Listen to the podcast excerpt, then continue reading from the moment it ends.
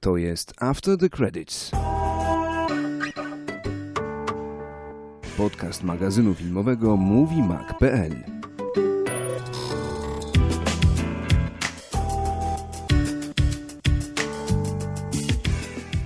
Jak byłem na e, Inside Out drugi raz teraz, No, No było to- więcej dorosłych. to było więcej, teraz były jakieś takie warunki bardziej sprzyjające. Nikt się nie pytał, na jaki film poszedł podczas krótkometrażówki. Dlaczego, dlaczego lawa ten, tak? I dlatego mi się bardziej podobała lawa niż za pierwszym razem. Dalej, O, dalej, widzisz.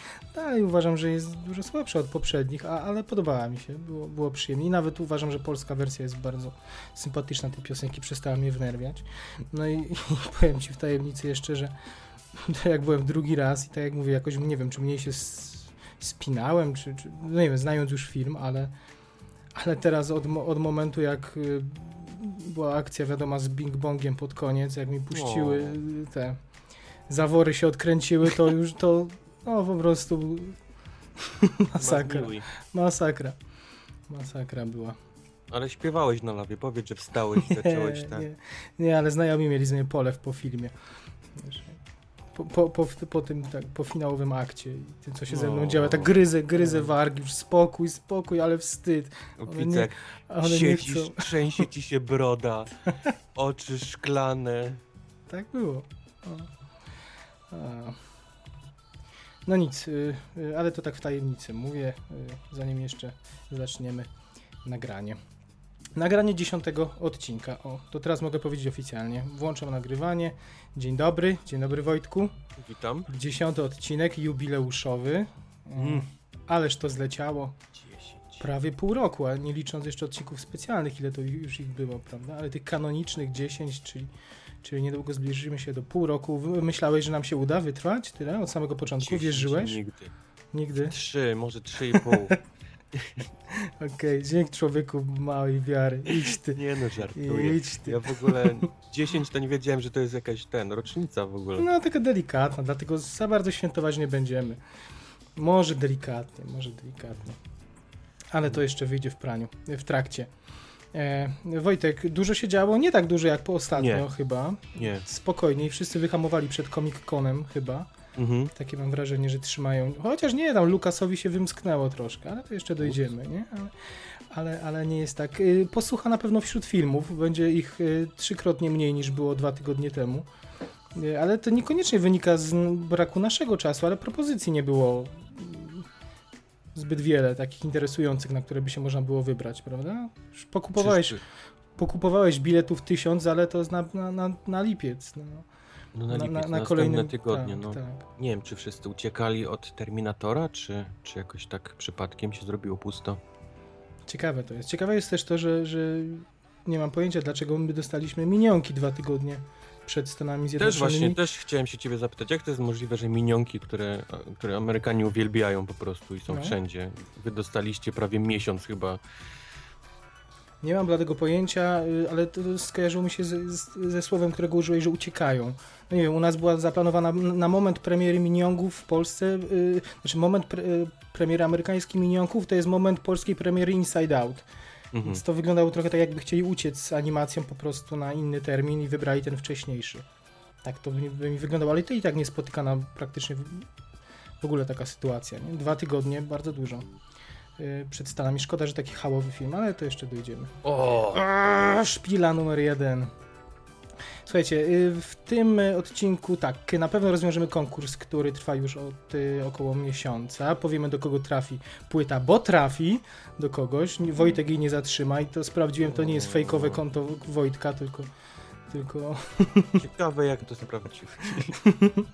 Ym, y, I co jeszcze? I oprócz standardowego przeglądu newsów i, i dwóch y, premier, o których opowiemy, mm, będziemy też mieć taki krótki przegląd. y, Powiem może z okazji 10, 10 odcinka, ale, ale tak, ale to taki y, pretekstowy powód. Chcemy zwrócić wa Wam uwagę, ponieważ trwa okres no, letni i sami ostatnio rozmawiając prywatnie stwierdziliśmy, że są filmy, z którymi jakby zgadzamy się w, inaczej, nasze recenzje się pokry, pokrywają, nasze opinie zgadzamy się, bo to są filmy wakacyjne, takie dosyć mm, mało wzbudzające kontrowersje i, i, w związku z tym gdzieś poszedłem sobie dalej z myślami i, i, i przypomniałem sobie, że, że takie filmy y, dyskusyjne pojawią się zapewne w okresie oscarowym i to już niedaleka piłka, niedaleka droga do, do wymyślenia, żeby, żeby popatrzeć, co tam w kolejnych miesiącach nas czeka w tych już y, mniej bogatych blockbustery, y, a więcej w kino nastawione na przyszłoroczne nagrody. Wojtku, akceptujesz? Akceptuję to. Akceptujesz, więc y, zacznijmy, zacznijmy y, już y, konkretny przegląd newsów i zacznijmy go od, no przykro mi, ale musimy to zrobić od Marvela.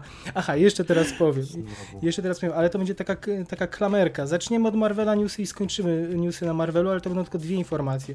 Ustaliliśmy z Wojtkiem, że, że całą resztę informacji, która się pojawiła i znowu jest ich dużo i zajęłyby nam na pewno mm, pół godziny, 40 minut, przeniesiemy do odcinka specjalnego o Ant-Manie. E, Spoiler. Y, spoiler special dokładnie, nie, bo Ant-Man kończy jakiś rozdział, zaczyna też kolejny w tej filmografii Marvela i to jest dobry Mhm. moment. Poza tym Kevin Feige w, teraz w okolicach premiery, która się niedawno odbyła, no chlapie na lewo i prawo Jest różnymi aktywny, szczegółami bardzo. Znaczy mówi na tyle, żeby nie zdradzić nic, ale, ale gdzieś puścić tropy i, i pokazać y, jakieś delikatne no, no, koncepcję, w którą stronę może seria pójść i kolejne filmy. I również w tym samym czasie plotki castingowe się pojawiają.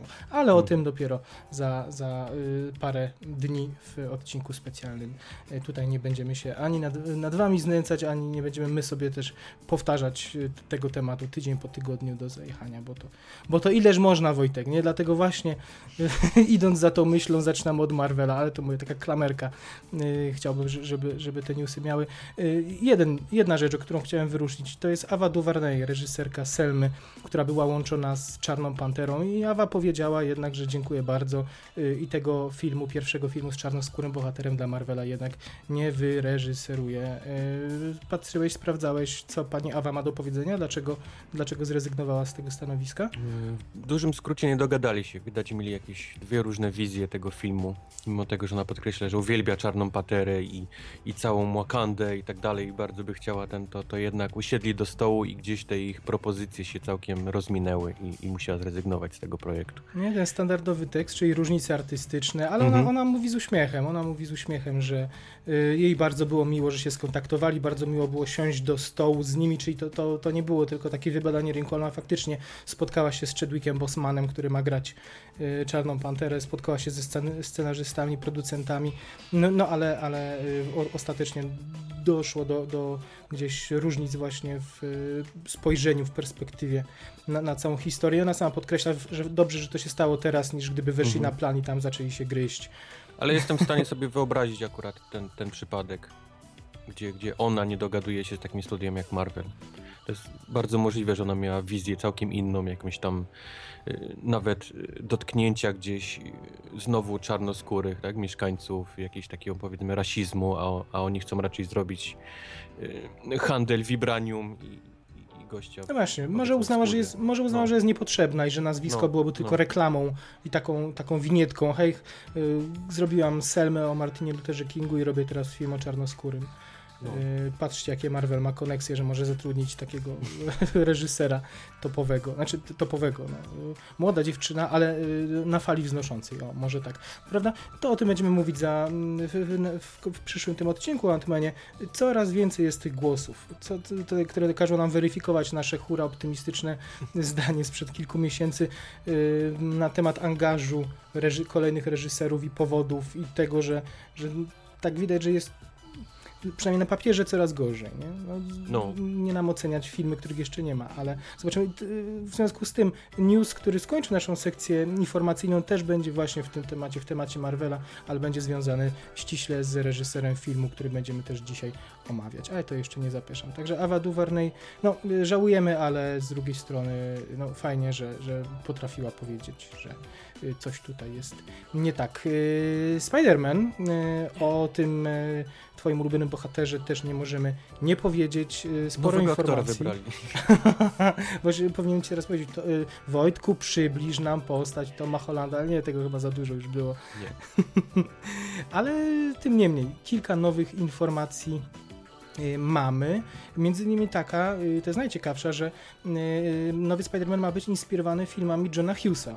Tak Mhm. mówi, tak mówi Kevin y, Feige. Y, On Szybko mówi, się że... poprawił, że on oczywiście nie są w stanie zrobić takiego filmu jak Kevin Hughes, ale, ale No, chcą się inspirować. Też nie te, nie te lata trochę, bo, bo No. John Hughes miał y, te, te najsłynniejsze jego produkcje lata 80., lata 90., ale, ale chodzi o to założenie, że to ma być opera mydlana w liceum Mhm. z bardzo fajnymi, interesującymi postaciami drugo, drugoplanowymi. Spider-Man, Spider-Man ma mieć kłopoty typu zarówno jakiś tam Thanos, który niszczy wszechświat, ale, ale także to, że się jest spóźniony do domu, bo gdzieś zabalował z kolegami po, po szkole i nie wie, nie wie, co powiedzą w domu na jego spóźnienie.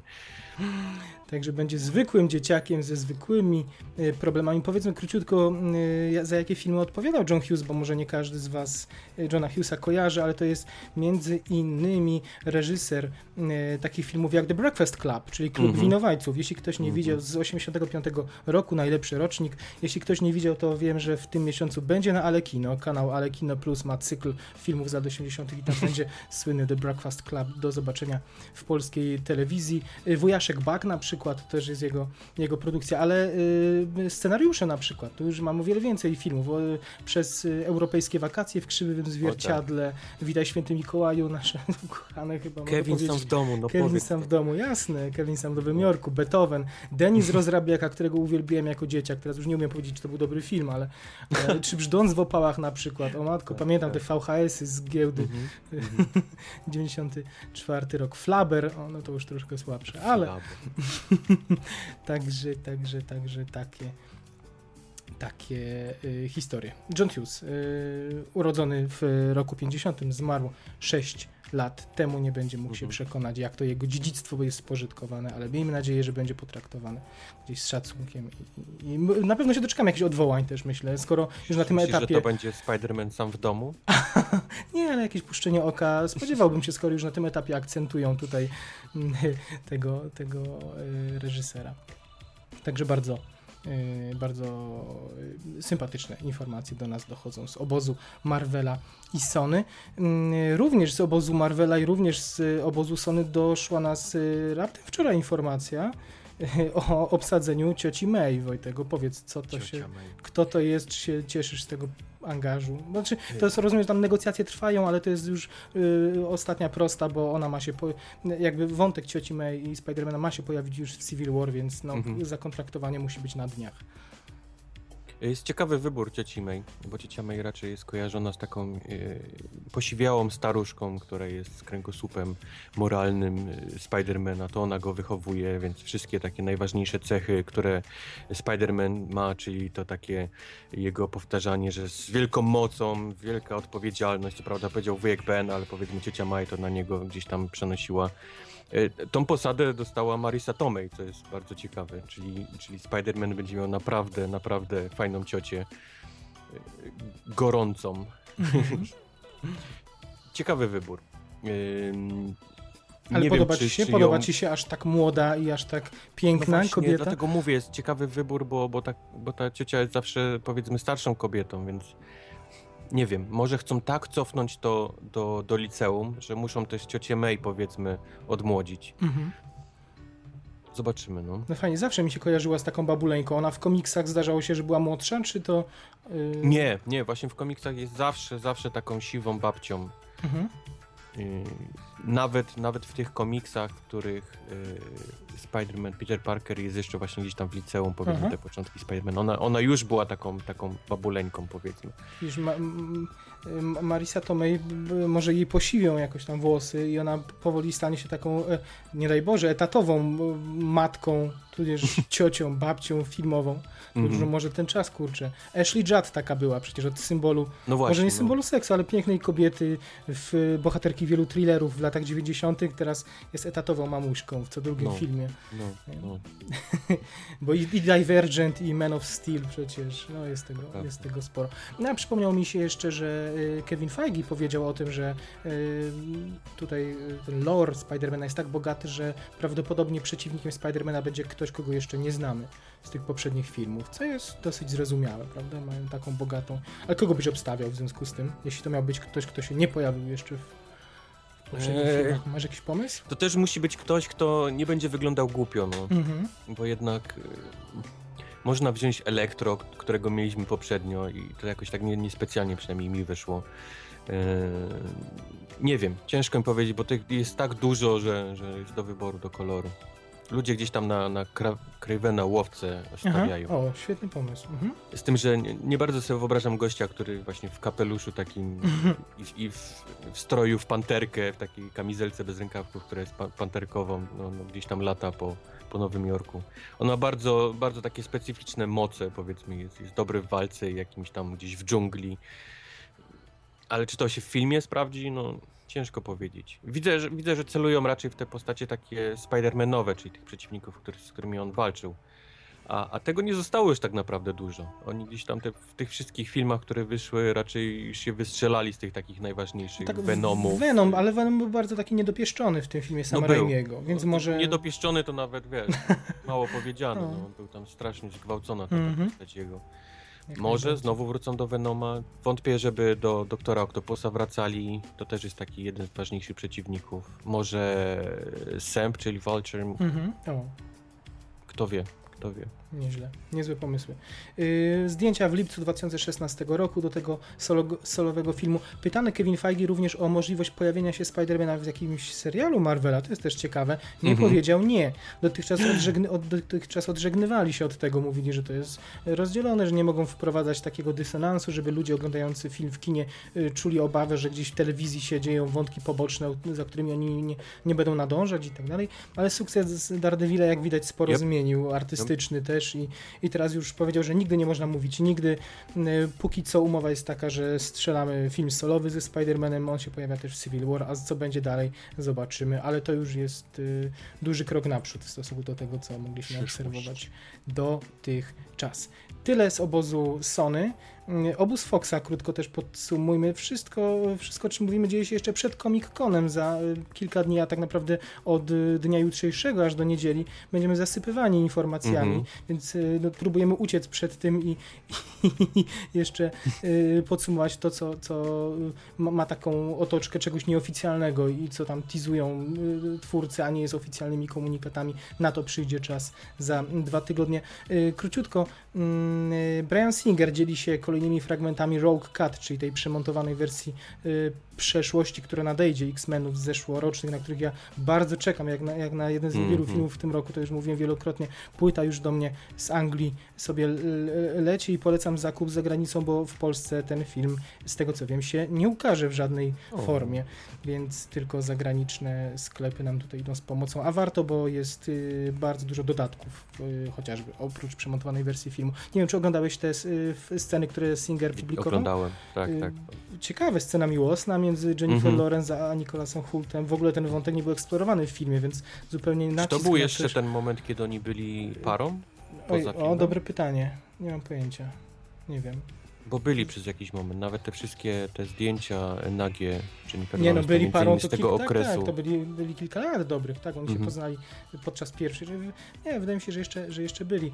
Mm, e, W każdym razie widzimy też y, ten wątek właśnie z Rogue, która to zastąpiła Kitty Pride. To też jest ciekawe, że jest wyrzucony wątek jednej postaci. Nie wiem, czy Kitty Pride będzie, czy w ogóle jej nie będzie. I Mhm. jak rolę i rolę dla fabuły zastąpi inna aktorka, czyli właśnie Anna Paquin jako, jako Rogue. No, no cze- czekam niezmier niezmiernie y, mocno na, na, tą, na tą płytę.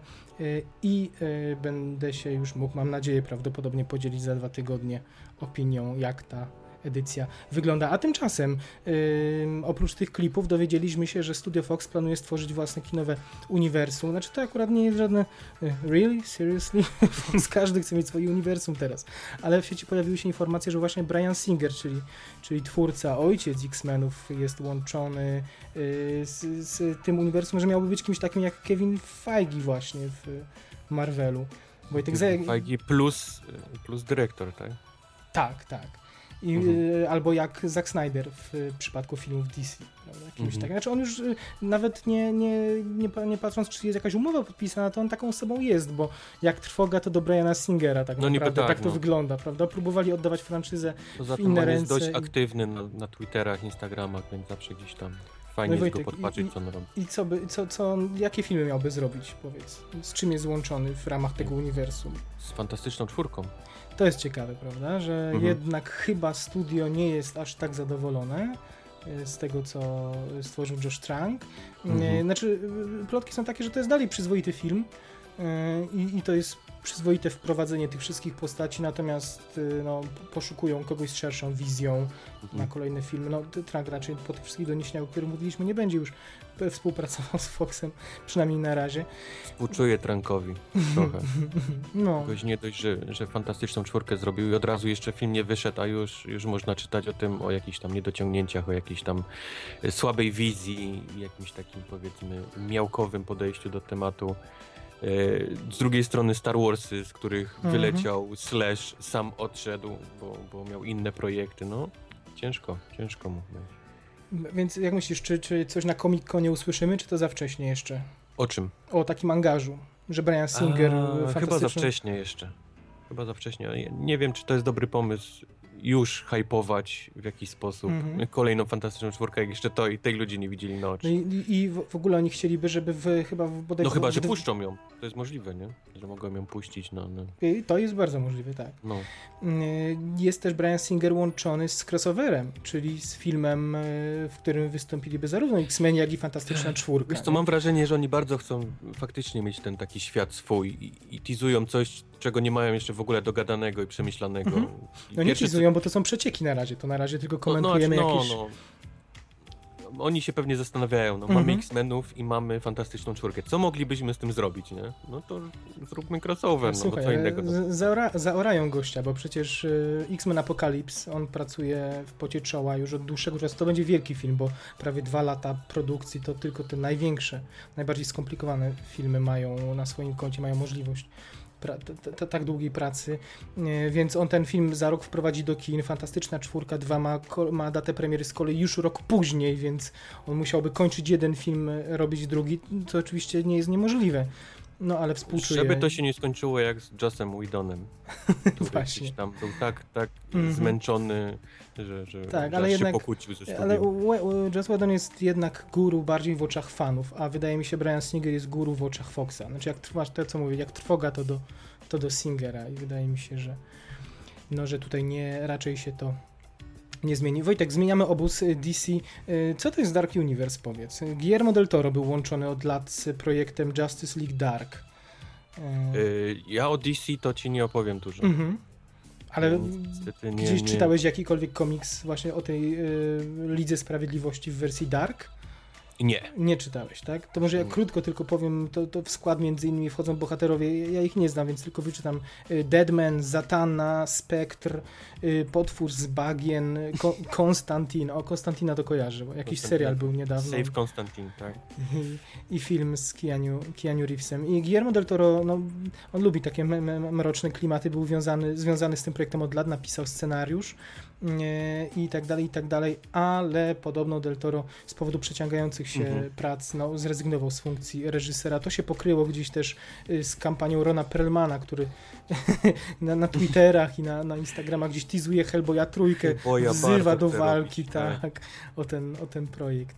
Więc y, Del Toro no, musi się teraz skupić na promocji y, Crimson Peak, do tego Pacific Rim chyba jest jego kolejnym Mhm, projektem. Mhm. A Del Toro to dla mnie jest taki koleś, który uwielbia się gdzieś pojawiać z jakimś tam tytułem. Czy to jest gra, czy to jest jakiś właśnie taki komiksowy tytuł i Prawda? znika po I z pewnym iloma czasie. grami, już z dwoma grami był zdaje się No, łączony i no. obie przepadły. Ja już prawda? przestaję tak naprawdę, wiesz, się, się Mhm. cieszyć, dopóki to nie jest jakaś potwierdzona informacja od niego. Mhm. Mam wrażenie, że on jest, on chciałby zrobić wszystko, ale oczywiście nie jest w stanie, no bo ma inne projekty i, i gdzieś ten, ten pomysł zawsze upada. Y, Przy, przy tej okazji Warner poinformował, y, przy okazji tych plotek, one się jakby zbiegły z taką informacją, że Warner wyodrębnił adaptację komiksów od wydawnictwa Vertigo, a Mhm. właśnie Justice League Dark tam się, tam się narodziło. Y, I on przekazał studiu New Line Cinema tę adaptację, żeby ono dbało, trzymało nad nimi pieczę. Natomiast właśnie Justice League Dark ma pozostać w, pod skrzydłami Warnera i o, rozumiem, co może oznaczać, że oni gdzieś będą powiązani z tym uniwersum, które Warner sobie tworzy. Mhm. No, tam jest sporo osób w tej grupie, więc najwidoczniej nie chcą się pozbawiać y, y, jednoznacznie jakby przekreślać obecności tak wielu potencjalnie ciekawych postaci w tym uniwersum. Zawsze mogą powiedzieć, że nie, to nie ma, nie ma związku, nie? Ale, ale na razie jeszcze nie zamknęli furtki, nie, mm, no, jest możliwość, że te postaci z Justice League Dark pojawią się gdzieś w kolejnych filmach, o, nie wiem, Supermanie, o Batmanie, no jest to, Mhm. jest to y, ewentualnie możliwe. Y, W związku z tym, że jesteśmy przy Warnerze, przy DC, możemy też powiedzieć, że scenariusz y, Justice League, część pierwsza Ligi Sprawiedliwości jest już skończony. Napisał go Chris Terrio, o którym Mhm. mówiliśmy dwa tygodnie temu, laureat Oscara za operację Argo, Fargo, Fargo, Argo. Argo. Yy, może króciutko powiemy w takim razie, jaki. To, się pewnie zmieni jutro albo pojutrze, ale na dzień dzisiejszy, na dzień przed startem Comic-Conu, plany Warnera i DC wyglądają tak do 20, 2020 roku, że, że w przyszłym roku w marcu zobaczymy e, Batman v Superman Świt Mhm. Sprawiedliwości. Już w sierpniu, e, również przyszłego roku Suicide Squad. Potem w lipcu 2017 roku Wonder Woman z Gal Gadot. E, Listopad 2017 to jest właśnie Justice League Part 1 w reżyserii Zaka Snydera i to jest takie, dla, dla tych, którzy kompletnie się nie orientują, to jest chyba tacy Avengersi, tak? Tylko, Avengersi DC, tak. tylko w, tym, w tym świecie. To też jest ciekawe, że, że w zasadzie od Avengersów zaczynają, a nie finalizują nimi jakąś serię. No ale to tak trzeba. Te postacie są mniej popularne w, w kinie i, i trzeba je z nimi zaznajomić widzów w takim, takim szerszym kontekście, przy, gdzieś mając Batmana u boku, pokazać, nie wiem, Aquamana czy, czy innych. Właśnie, a propos Aquamana, 2018 rok y, The Flash z Ezra Millerem w roli Mhm. głównej i to w marcu, a w lipcu Aquaman z Jasonem Momoą, o którym mówiliśmy dwa tygodnie temu. Kwiecień 2019 to jest Shazam, z którym łączony jest Dwayne The Rock Johnson. W czerwcu 2019 druga część Justice League, y, tego wielkiego widowiska, również w reżyserii Zaka Snydera i potem już 2020 odległy y, jest tutaj Cyborg, kompletnie nie znam tej postaci, poza grą Lego Batman, tam, Mhm. tam grałem To Cyborga. też jest członek właśnie Justice League. I ostatnia produkcja, czerwiec 2020, Green Lantern, z którym to Green Lanternem jest y, Tyrese Gibson, zdaje się, wiązany, prawda? Y, Ponoć, on, on przynajmniej tak twierdzi. Nikt jeszcze tego nie potwierdził, on już wysyła wszędzie obrazki ze sobą gdzieś tam w shop- w Photoshopie, gdzie on już jest w stroju Lanterna. Trochę wygląda tak, jakby to mm, on sugerował, że. Znaczy, on dostawał chyba fotomontaże od ludzi i sam sobie je publikował, tak jakby Może, nakręcając hype na siebie, na siebie samego, prawda? Jeszcze króciutko, może pozostańmy w, właśnie w tej tematyce y, DC, bo tych newsów tutaj mieliśmy y, sporo w ostatnich dniach. Y, Opowiedz Wojtek o pierwszych zdjęciach, bo masz je fizycznie w dłoni, na papierze. Entertainment Weekly, ma- magazyn opublikował pierwsze fotografie. Tak Śmiesznie się mówi, nie? Pierwsze oficjalne fotografie, takie Tak. kadry z filmu, ale faktycznie trailer widzieliśmy, pierwszy trailer pokazano rok temu na Comic-Conie, my zobaczyliśmy publicznie, taki udostępniony publicznie parę miesięcy temu, a, a kadrów z filmu jako takich jeszcze, jeszcze nie było. Co tam widać w tym Entertainment Weekly? Co oni pokazali, Wojtek? Powiedz. Yy, Włosy pokazali. A, okej. Włosy Lexa Lutora. Wszyscy Mhm. się zastanawiali, czy będzie miał zgoloną głowę na łyso, czy będzie miał krótkie włosy, i co zrobi, co zrobią z tym aktorem. Okazało się, że dali mu wielką, olbrzymią, włochatą perukę. Tak chyba specjalnie na przekór, mam wrażenie. Ale myślisz, Chyba, że że on a- gdzieś straci te włosy. No pewnie tak, z nerwów, odbudowując Metropolis pewnie, bo gdzieś się też pojawiają takie, takie o, o tym też rozmawialiśmy już parę miesięcy temu i, i, i gdzieś gdybaliśmy sobie, że być może właśnie e, wydarzenia z Człowieka ze Stali, ten cała hekatomba, ten pogrom, ten, to ludobójstwo, e, to, że to Metropolis w Człowieku ze Stali zostało zniszczone, to właśnie będzie początek historii z e, Batman v Superman, gdzie Mhm. LexCorp będzie odbudowywał to, to Metropolis. Tylko oni to hypują w ten sposób, że, że byli tego świadomi. Oni tak twierdzą, tak jakby planowali to od początku. Najpierw Mhm. wszystko za, wiesz, zniszczyć, zaorać wszystkimi ludźmi, a później na, na bazie tego zrobić właśnie film Superman. Ja mam wrażenie, że oni się ratują po prostu. Było tak dużo złych opinii na Mhm. temat końcówki tego filmu, że, że oni próbują się teraz w jakiś taki w elegancki sposób. Widzicie, myśmy, to- my, my to wszystko zaplanowaliśmy, to było specjalnie. Jasne, jasne. Ale ja jestem chyba jednym z ostatnich, który będzie mm, jednoznacznie krytykował tą decyzję. Znaczy ja lubię ten film i nie mam do końca, nie jestem do końca przeciwny tej decyzji, temu co tam się wydarzyło w finale. Ale to temat na inny podcast. Wojtek, wróćmy do tych zdjęć. Co tam jeszcze? Na okładce widzimy Gal Gadot, widzimy, że ma bat, że ma miecz, że ten Mhm. jej strój jest troszkę inny niż na kadrach pokazanych rok temu na Comic Con, czy kadrach, na takim szkicu koncepcyjnym, Tak. czy takiej grafice. On jest bardziej kolorystycznie przypomina ten klasyczny, znany z komiksów. Podoba ci się bardziej ten, czy bardziej taki właśnie średni, średniowieczny, skórzany sprzed roku? Nie, chyba ten bardziej mi się podoba. Taki bardziej komiksowy niż, niż Mhm. właśnie tak jak mówisz, y, skórzany. I rozumiem, że ten Jesse Eisenberg y, jako Lex Luthor nie przekonał cię we włosach Nie. tym bardziej. Jako, Nie, tak? nie, nawet, nawet gdzieś tam czytałem, y, powiedzmy, koncept tej jego postaci, to ma być jakiś takim też, przypomina mi te, te, ten Doom, który miał być blogerem, to trochę mi Mhm. przypomina właśnie Lex Luthor, który ma być jakimś takim myślicielem i, i no nie wiem, zobaczymy. Lex Luthor, który ma, będzie takim Zuckerbergiem. No. Why, why not? Why not? Technokratą, czy no nie wiem, luzakiem do pewnego momentu. Zobaczymy. Yy, Przy tej okazji yy, oczywiście garść znowu plotek i nie możemy się na, nad nimi nie pochylić. B- Ben Affleck opowiada o tym, jaki jest Batman w tym filmie. Mówi, że to jest Batman, który jest blisko swojego końca, cokolwiek to znaczy. Blisko końca, końca jako superbohater. Że, że już jest zmęczony, że znużony światem. No taki widzimy trochę. Już na tym uśmiercić po raz kolejny. no, ale najpierw dadzą Affleckowi wyreżyserować solowy film na pewno. no, w każdym razie ma być zgorzkniały, ma być cyniczny, ma być takim Hamletem wręcz. E, e, No taka jest interpretacja Afflecka Mhm. i studio ją, ją akceptuje. E, Batman w tym filmie ma już być takim no, pogromcą zła i ochroniarzem Gotham trwającym na posterunku już od 20 lat, że ta posiadłość Wayne'a ma być zaniedbana, pełna chwastów, zacieków, taka zniszczona, także też trochę inny koncept niż to miało dotychczas w, w poprzednich adaptacjach Batmanowych. Yy, Ciekawe, co zrobią z postacią Alfreda, który jak wiemy gdzieś tam się obraził, strzelił focha i, i sobie odszedł przynajmniej u Nolana. Yy, Czy jakoś go przywrócą? yy, No tak, tak. yy, Tutaj w tej historii, no, jako że te filmy nie mają absolutnie nic ze sobą No. wspólnego, tutaj yy, lokaja Alfreda gra Jeremy Irons. No. I em, pojawił się zresztą opis trzech scen z filmu i właśnie jednym z tych jedną z tych scen, które, które ktoś już najwidoczniej widział, skoro je opisuje, jest właśnie ta, w której Bruce Wayne i Alfred, y, czyli Ben Affleck i Jeremy Irons rozmawiają przy kominku bardzo poważnej atmosferze, jak głosi opis Y, i, i ta rozmowa roz, rozgrywa się tuż przed wyruszeniem Batmana na ten y, znany z y, teasera pojedynek z Supermanem. E, e, tak, to, tak to wygląda. To może od razu powiem, druga scena, a to są sceny w ogóle, które pokazano dziennikarzom w montażowni w e, Pasadenie. Druga Mhm. scena to jest właśnie fragment pojedynku Batfana, Bat, Batfana, Batman. Boże, Batmite, Batmana z, z Supermanem, że walka stan, czy standardowa, tak? Rzucają sobą po ścianach, rozwalają ściany budynków, e, ro- rozwalają, dachy, ludzie nie giną, ale e, takie przerzucanie się przez kolejne części zabudowy miasta, no nie wiem, czy przeskoczą to, co się działo w finale Człowieka ze Stali właśnie, bo tam Nie. przecież przez całe dzielnice się przebijali. To, to No. będzie duży krok wstecz. Nie? Trzecia scena to jest z kolei scena w jaskini Batmana i tam y, z, również Bruce Wayne rozmawia z Alfredem i wyjaśnia Alfredowi, dlaczego zamierza zaatakować Supermana i używa argumentów, że właśnie atak za, zapobiegawczy, taki zapobiegawczy, wyprzedzający jest lepszy niż, niż zostawienie pola tutaj Supermanowi dla ewentualnej destrukcji ludzkości.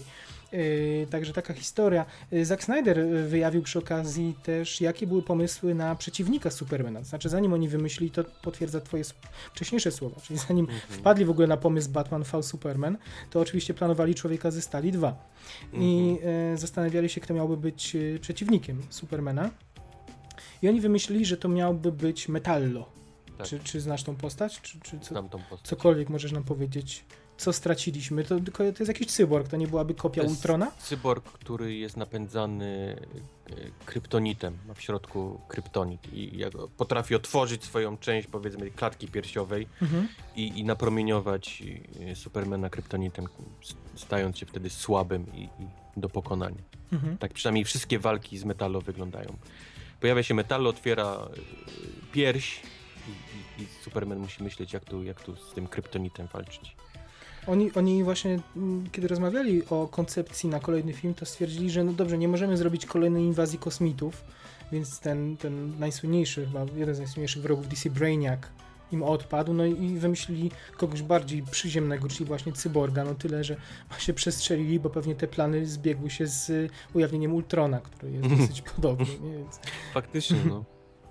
Jeszcze został im, kto im jeszcze został tam taki, który mogliby, żeby nie był z kosmosu. Jest ten Mr. Myzypytylk, nie wiem, czy kojarzysz tą postać. Tak, tak, postać ale... z któregoś tam XVII wymiaru, Mhm. która potrafi, która się teleportuje i ma zabawę gdzieś tam z mieszaniem innych, innych światów. Nie no, śmieję się, żartuję oczywiście. Ciężko, To ciężko, Totalny no. chaos. Ciężko. Y, Affleck zdradza y, również y, na przykład takie szczegóły, że y, Wonder Woman jest niezwykle istotna dla całej historii, jakby dla zawiązania akcji w, już w Batman v Superman gdzieś. No, to też pokazuje pewnie nieprzypadkowo kadr z bohaterów po cywilu, gdzieś tańczących Tak. chyba na bankiecie, to tak wygląda. Czyli już wiemy, że y, to nie będzie tak, że Wonder Woman pojawi się na samym końcu i hej, jesteśmy Ligą Sprawiedliwości, witajcie w swoim kostiumie, tylko no, odgrywa jakąś znacznie ważniejszą rolę. Affleck porównuje y, tą scenę na balu do, do takich scen y, z, nie wiem, w stylu... Na że- balu Nolana. że- nie, na balu, kobietą kot. na balu na przykład w aferze Thomasa Crowna, czy, czy w jakichś bondowskich scenach, gdzie Mhm. odbywa się flirt między bohaterami. No i kończąc może ten, ten temat tego filmu, to powiem krótko jeszcze o tym, że że Affleck oczywiście jest pytany na każdym kroku tego nieszczęsnego Daredevila z 2003 roku. Ty, ty nie lubisz tego filmu bardzo, Nie. czy nie lubisz tylko Nie, trochę? nie, nie jakoś Nie. tak z pasją, ale, ale no... Jeszcze teraz po tym nowym Daredevilu widzę, jak- jak, jak ten film Mhm. był po prostu zaniedbany. No więc on mówi, że, że Affleck sam przyznaje, że to się nie, ten film się zupełnie nie udał, że y, przez to, że no, chce być uprzejmy, więc jego opinia o tym filmie będzie grzeczna, ale dając do zrozumienia, że, że mógłby użyć o wiele mocniejszych słów. Ale powiedział, że to, to robili w czasach, kiedy jeszcze ludzie no, nie wiedzieli, że można tworzyć filmy komiksowe, które są To prawda. nie tylko. Takimi właśnie komiksowymi y, y, wyciągaczami pieniędzy, że, że coś tam się pod nimi kryje więcej. Y, I, I mówi otwarcie, że panowało, używa słowa cyniczne, że panowało cyniczne przeświadczenie, że, że wystarczy założyć ciasny kostium na kogoś, dać mu pobiegać, pościgać złoczyńców, zgarnąć kasę i zaorać. Nie? No więc strasznie długą drogę przeszliśmy przez te, przez te 12 lat od tego Mądry Affleck. czasu. Taki to Affleck. E, Chłopaki też, Affleck i Snyder, e, wypowiedzieli się o różnicach między dwoma uniwersami, między DC i Marvelem. E, I, I troszkę zgryźliwie, troszkę tam się na, na Mhm. uszczypliwości im zebrało. Mhm. Wojtek, czytałeś to może? Wie, wie, Czytałem. Słowa? To też a propos właśnie było y, ludzi, którzy giną w czasie filmów i, i tym jak Marvel dba w swoich filmach, aby nie zginął nikt i tłumacz, tłumaczą to nawet widzowi, że och, tutaj mamy statki ratunkowe, a to nie jest tak kolorowo w filmach z superbohaterami, tam muszą ginąć ludzie i oni się tego nie wstydzą i jak się biją gdzieś na ulicy, to, to ma być pokazane, że się gdzieś tam jest otwarte złamanie, a nie jakieś takie kanapeczki. Tak, powiedzieli, czy, czyli podsumowując, powiedzieli, że faktycznie, że, y, że ich filmy, filmy DC, y, znaczy oni mówią, że tak, raz, że są mocniej zakorzenione w mitologii komiksowej, cokolwiek by to nie znaczyło, że historia ma większy rozmach, tutaj również w tym kontekście, o którym ty Okej. opowiadasz, y, i że są bardziej, są bardziej realistyczne, że taka jest natura i taki jest koncept na te filmy DC, że te filmy nigdy nie będą tak zabawne, szybkie, y, ale użył też słowa powierzchowne, jak filmy Marvela, taka szpila. y, Tutaj Auć. od Affleka, od Affleka. Nie, Snyder. Od Afflecka. Tak, to O. Snyder dużo bardziej dyplomatycznie. po tym rozwodzie jakiś taki się zgryźliwy zrobił. Y, Snyder troszkę bardziej dyplomatycznie, że, że powiedział tylko, że ogólnie enigmatycznie, że jest ryzyko, że jeśli będą dom- dominować produkcje dla mas i płytkie filmy tego typu, to gatunek ucierpi. Także tak. DC są y, strasznie cięci na, na Marvela. Wrażenie. Nie widzę tego od Marvela w stronę DC. No, no Marvel u- uciekł i muszą teraz gonić, gdzieś próbować też z ludziom nakreślać różnice. No, ale kurczę, no trochę pokory i gońcie, nie? prawda, Dajcie radę, to a, prawda. nie, a nie szpilami. To samo było z Aquamanem i Momoa, którym gdzieś tam plakaty ludziom podpisywał Fuck you Marvel, nie? I Momoa. Pewnie, pewnie. No, dziwne. Mówiliśmy dwa tygodnie temu, że Affleck miałby wyreżyserować film The Batman i mm, potwierdzę, odpowiadając na pytanie dziennikarza, skąd ten angaż i dlaczego zgodził się na zagranie Batmana. Affleck sam mówi, że jego pierwsza reakcja to było takie zadanie sobie samemu pytania, naprawdę jesteś pewien? W tym wieku, czterdziestka na karku, nie? że, że y, y, y, trochę dziwna, dziwna taka droga, że skończył dopiero co operacja Argo, dostał Oscara i nagle, i nagle komiksy, ale mówi, że Zack Snyder go przekonał i najważniejsze słowa jakie mówi, to to, że pomyślałem sobie, że jeśli mam zamiar, czy miałbym zamiar wyreżyserować taki film, to chciałbym najpierw się nauczyć takie filmy robić. Mhm. Na planie właśnie Batman v Superman. Czyli tutaj możemy z dużą dozą prawdopodobieństwa powiedzieć, że ten solowy film o Batmanie Affleck otrzyma tą posadę. Cieszymy się, tak? Eee, powiem ci po Batmanie V Superman. Dobrze. Koniec y, komiksów, y, twoje ukochane Gwiezdne Wojny, znaczy twoje, moje też ukochane Gwiezdne Wojny. Moje. Wojtek, coś tam z pudełka wyciekło, jakieś informacje, pudełko, zabawka na Comic Con y, i informacje, czym jest First Order, ten zakon.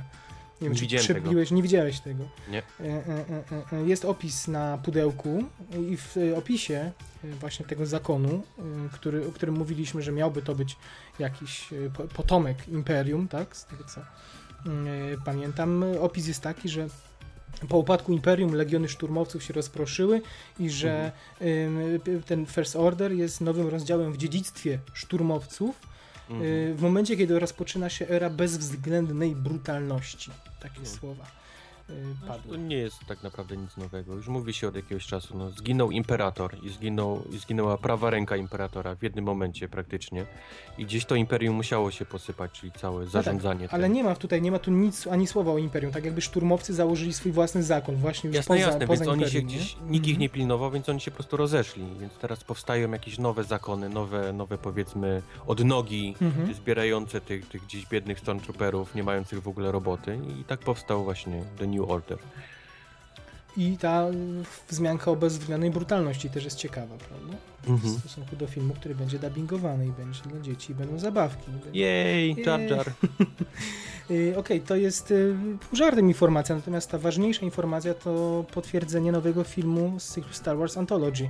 Opowiedz mm -hmm. Wojtek, co tam wiemy, co Lukas film. Czemu oni to w ogóle ogłosili teraz? Czemu nie zaczekali do soboty chyba, kiedy mają konferencję na Comic-Conie, czy tam piątek? Nie wiem nie wiem, może mają inne, ważniejsze informacje, to było jakieś takie powiedzmy mało ważne. A, mało ważne. Opowiedz Wojtek, co tam wiemy o, o tym solowym filmie. Kto, kto za niego odpowiada, jaka fabuła? No więc dwóch chyba naszych ulubionych ostatnio panów, czyli mhm. pan Lord i pan Miller, mhm. wezmą się za solowy film, y, który jest przynajmniej teraz oznaczony dość kryptycznie powiedzmy, mhm. nazywa się Solo Fett. Więc możemy się tylko domyśleć. E, nie no, żartuję. No. Osobny film o, o Hanie Solo, który gdzieś tam powiedzmy z Boba Fettą się gdzieś pewnie będą e, bić o jakieś powiedzmy wpływy. E, on będzie handlował, a, a Fett go będzie pewnie szukał. No ja po prostu jestem, co bym nie pomyślał o tym tytule i o tych dwóch panach, którzy będą za to odpowiedzialni, to jestem, jestem po prostu mega szczęśliwy że to, ta, taka, taka sytuacja się będzie działa. Ale co, bardzo komediowa konwencja wychodziłoby na to, prawda? Znaczy tak sugerują ci, ci zatrudnieni reżyserzy. No że... właśnie, wiesz, to, Myślisz, że to tak... zwyczajeni do, do komediowych rzeczy. Oni widzę, teraz sporo filmów będą robić, które nie powinny być komediowe, więc może, może im się odmieniło, może oni, wiesz, nie, nie ale tylko tak, będą... Ale tak, są związani z Flashem dla Warnera i też mówi się, że ta postać Flasha właśnie przez ten kom komediowy sznyt, to właśnie ich angaż jest... jest no ale to my tak mówimy, nie? Nie wiadomo, czy tak będzie. Y, w każdym razie y, ten angaż wskazuje na to, że oni Flasha nie wyreżyserują, co najwyżej stworzą scenariusz, bo tam daty premier się niebezpiecznie pokrywają, także nie ma szans już tutaj. W każdym razie, no, no, no, Solo był zawsze takim comic relief, powiedzmy, mhm. w Gwiezdnych Wojnach, więc to może być też tego typu film, że, że on będzie, powiedzmy, jakąś taką... Jasne, y, znaczy ja zakładam, że rzeczywiście to nie będzie komedia pomyłek, czy jakiś slapstickowa, no, jasne, gdzie oni się będą przewracać i robić sobie jakieś jaja. Tylko, że no, angaż tutaj zakładam, że nie jest dlatego, że chłopaki mają y, niezwykłe umiejętności w y, tworzeniu scen akcji, bo Mhm. takich umiejętności raczej nie mają, tylko chodzi tutaj o napisanie świetnych dialogów po prostu. Gdzieś Gdzieś Ciekawe jest to, co oni mówią. Oni mówią, że oczywiście chcą uszanować cały ten, ten lore Gwiezdnych Wojen i strasznie się cieszą, że mogą nad nim pracować, ale chcą spróbować czegoś nowego. Mhm. Chcemy, chcemy zrobić coś nowego, szanując oczywiście to, to wszystko, co jest i tak dalej, ale dlatego może faktycznie masz rację, może oni chcą zrobić jakiś taki po, komediowy, powiedzmy, śmieszniejszy, jakiś um, Guardiansów powiedzmy zrobić z, z Hanna Solo Mhm. i Boba Fetta, coś w tym stylu. No, Tym bardziej, że to będą, to będą młodsze wersje tych postaci. Myślisz y, o jakimś aktorze konkretnym? Je- je- Jeśli myślisz o... Czy- co, nie bardzo bardzo? chciałbym nie myśleć Chris Pratt, ale jakoś tak, jakbyś nie pomyślał, nie, to, to, to, ten, to ten gość gdzieś No tam rozumiem, przychodzi do rozumiem. głowy. Nie z- wiem, czy to jest dobry pomysł. Ale nie za wiem, stary powinien- chyba, za stary wydaje mi się. Tak? No, Jest to, jeżeli chcą go zrobić jeszcze Indiana Johnson, to, to no to tym bardziej, ale ja nie wiem, czy y, Harrison Ford nie był młodszy od Prata w oryginalnych Gwiezdnych Wojnach, więc to chyba musi być dużo młodszy chłopak. Nie wiem, nie wiem. No, aż my, tak młody? my łączyliśmy tego, jejku, nie, nie przypomnę sobie, ale tego chłopaka z Kingsmana, prawda, parę, przepraszam, miesięcy temu gdzieś się pojawiało. Ma Miles Teller na przykład, y, czytałem ostatnio. Znaczy to bardziej jako po, pobożne życzenia czyjeś, ale to mniej więcej ta kategoria wiekowa wydaje mi się. Y, Hmm. No nie wiem. Y, Jeszcze co mówią y, Lord, y, Phil Lord i Chris Miller, to jest to, że on, to też śmieszne, że oni mówią, że to jest pierwszy film w ich karierze, który od razu jest dla nich dobrym pomysłem. No bo faktycznie, kiedy brali się za renowację 21 Jump Street, z, Mhm. z zapomnianego serialu z lat 80., czy kiedy próbowali rewitalizować dla kina markę Lego i zrobić z tego film kinowy, no to porywali się na coś niemal niemożliwego, a tutaj mają no, samograja w zasadzie, nie? Więc z jednej strony większy komfort, a z drugiej mniejszy, no bo oczekiwania tysiąc razy większe niż, niż dotychczas. Yy, Kto jeszcze powiedzmy za scenariusz odpowiada? To też są ciekawe nazwiska, bo to jest Lawrence Kasdan, czyli Mhm. legendarny yy, twórca mm, Imperium kontratakuje. Tak. Yy, yy, I człowiek, który też pracuje przy Przebudzeniu Mocy i jego syn, czyli John Kasdan. No, On zrobił yy, takie mm, dwa filmy bodaj sendensowe, bardzo Ja niezależne. mam wrażenie, że on trzyma po prostu ten lore gdzieś tam w Mhm. kupie, żeby to miało sens, powiedzmy, jeżeli chodzi o inne filmy i, i resztę Gwiezdnych Wojen. Jasne. Bardziej niż, powiedzmy, pisanie Mhm. tego. jakichś- No, on tu bardziej firmuje, zatwierdza, przyklepuje, a synek pewnie się skupi na, na, na, na, na, na pomocy, że tak powiem, w napisaniu scenariusza. Darth Vader mm, jest y, jego mm, nazwisko, pseudonim jest związany ze Star Wars Anthology Rogue One. Mhm. Y, no to na pewno no, uniosłeś się pół metra nad ziemię, jak to przeczytałeś, ze szczęścia. Czy nie, czy nie chciałbyś już, żeby dotykali Lorda? E, e, tyle razy już czytałem, że Rogue, ma, Rogue One ma być powiedzmy pozbawiony jakichkolwiek mieczy świetlnych i, i mocy i, i Jedi. I jakoś tak się nastawiłem na to, a tu nagle Lord Vader Mhm. się pojawia w tym filmie. To No, jest, jest mówi ciekawe. się, ale mówi się, że on miałby być, nie miałby być tym głównym czarnym charakterem, tylko gdzieś w tle takim puppet masterem, No, który no. pociąga za sznurki, gdzieś go widać na monitorach, na hologramach. To tak, To No, najbardziej. tym niemniej... y, y, Lord, e, Vader Mhm. to jest chyba najsławniejsza, numer jeden postać, powiedzmy, kinowa. Nie- ma chyba człowieka na świecie, który by nie poznał Lorda Vadera, więc pewnie próbują się gdzieś, gdzieś tak zareklamować ten film, że jasne, jasne, tutaj rebelianci, albo patrzcie, Lord Vader. Lord Vader, powiedzmy też, pojawi się w drugim sezonie tych animowanych Star Wars Tak, w Rebels. Rebels. Mhm. I to dość, dość dużo go będzie. I będzie cały czas dubbingowany przez niezastąpionego Jamesa Earla Jonesa. Mhm, mhm. Także dużo, dużo radości dla fanów Dartha Vadera i oby też w tym filmie e, Rogue One się, e, się pojawił. O Rogue One dowiadujemy się też, że tam głównym czarnym e, bohaterem miałby być Moff, czyli co? Moff. Moff Tarkin, tak? Mhm, mhm, mhm. Czyli Do tego jak doszedł powiedzmy do, do tej władzy takiej, którą on posiadał, bo to był on był dowódcą, był- tak? Gwiazdy on- Śmierci. Mhm. Znaczy on był dowódcą właściwie całego, całego wojska. E, Vader był tylko prawą ręką e, imperatora i powiedzmy łącznikiem między imperatorem a, a całym tym wojskiem, zarządzaniem i, Mhm. i, i militariami, ale to tak, na, tak naprawdę Moff Tarkin właśnie trząsł powiedzmy całym tym wojskowym elementem e, imperium. Jasne. Mm, I tutaj też w tym samym momencie pojawia się informacja taka, że Lucasfilm na razie jeszcze nie zdecydował, ale rozważa dodanie łowcy nagród, który miałby być Łukim. Taka informacja. Ale informacje nie zapadły. Informacje, decyzje żadne nie zapadły. Czekamy. Czyli mamy też już Gwiezdne Wojny rozpisane do 2020, prawda? Trochę tak, trochę tak. Y, Han Solo w y, chyba maj 2018. Mamy, f- mamy Kurczę, teraz całkiem ten Force. Awakens w grudniu, y, później jest Rogue One w grudniu 2016, Potem w maju 2017 epizod 8. ósmy, c- teraz mamy w maju 2018 właśnie Fed Solo. Mhm. To kiedy, mamy- kiedy dziewiąty? To może gdzieś tam w grudniu 2000, nie wiem, 18, tak? W grudniu by wypadało. Nie wiem, zobaczymy.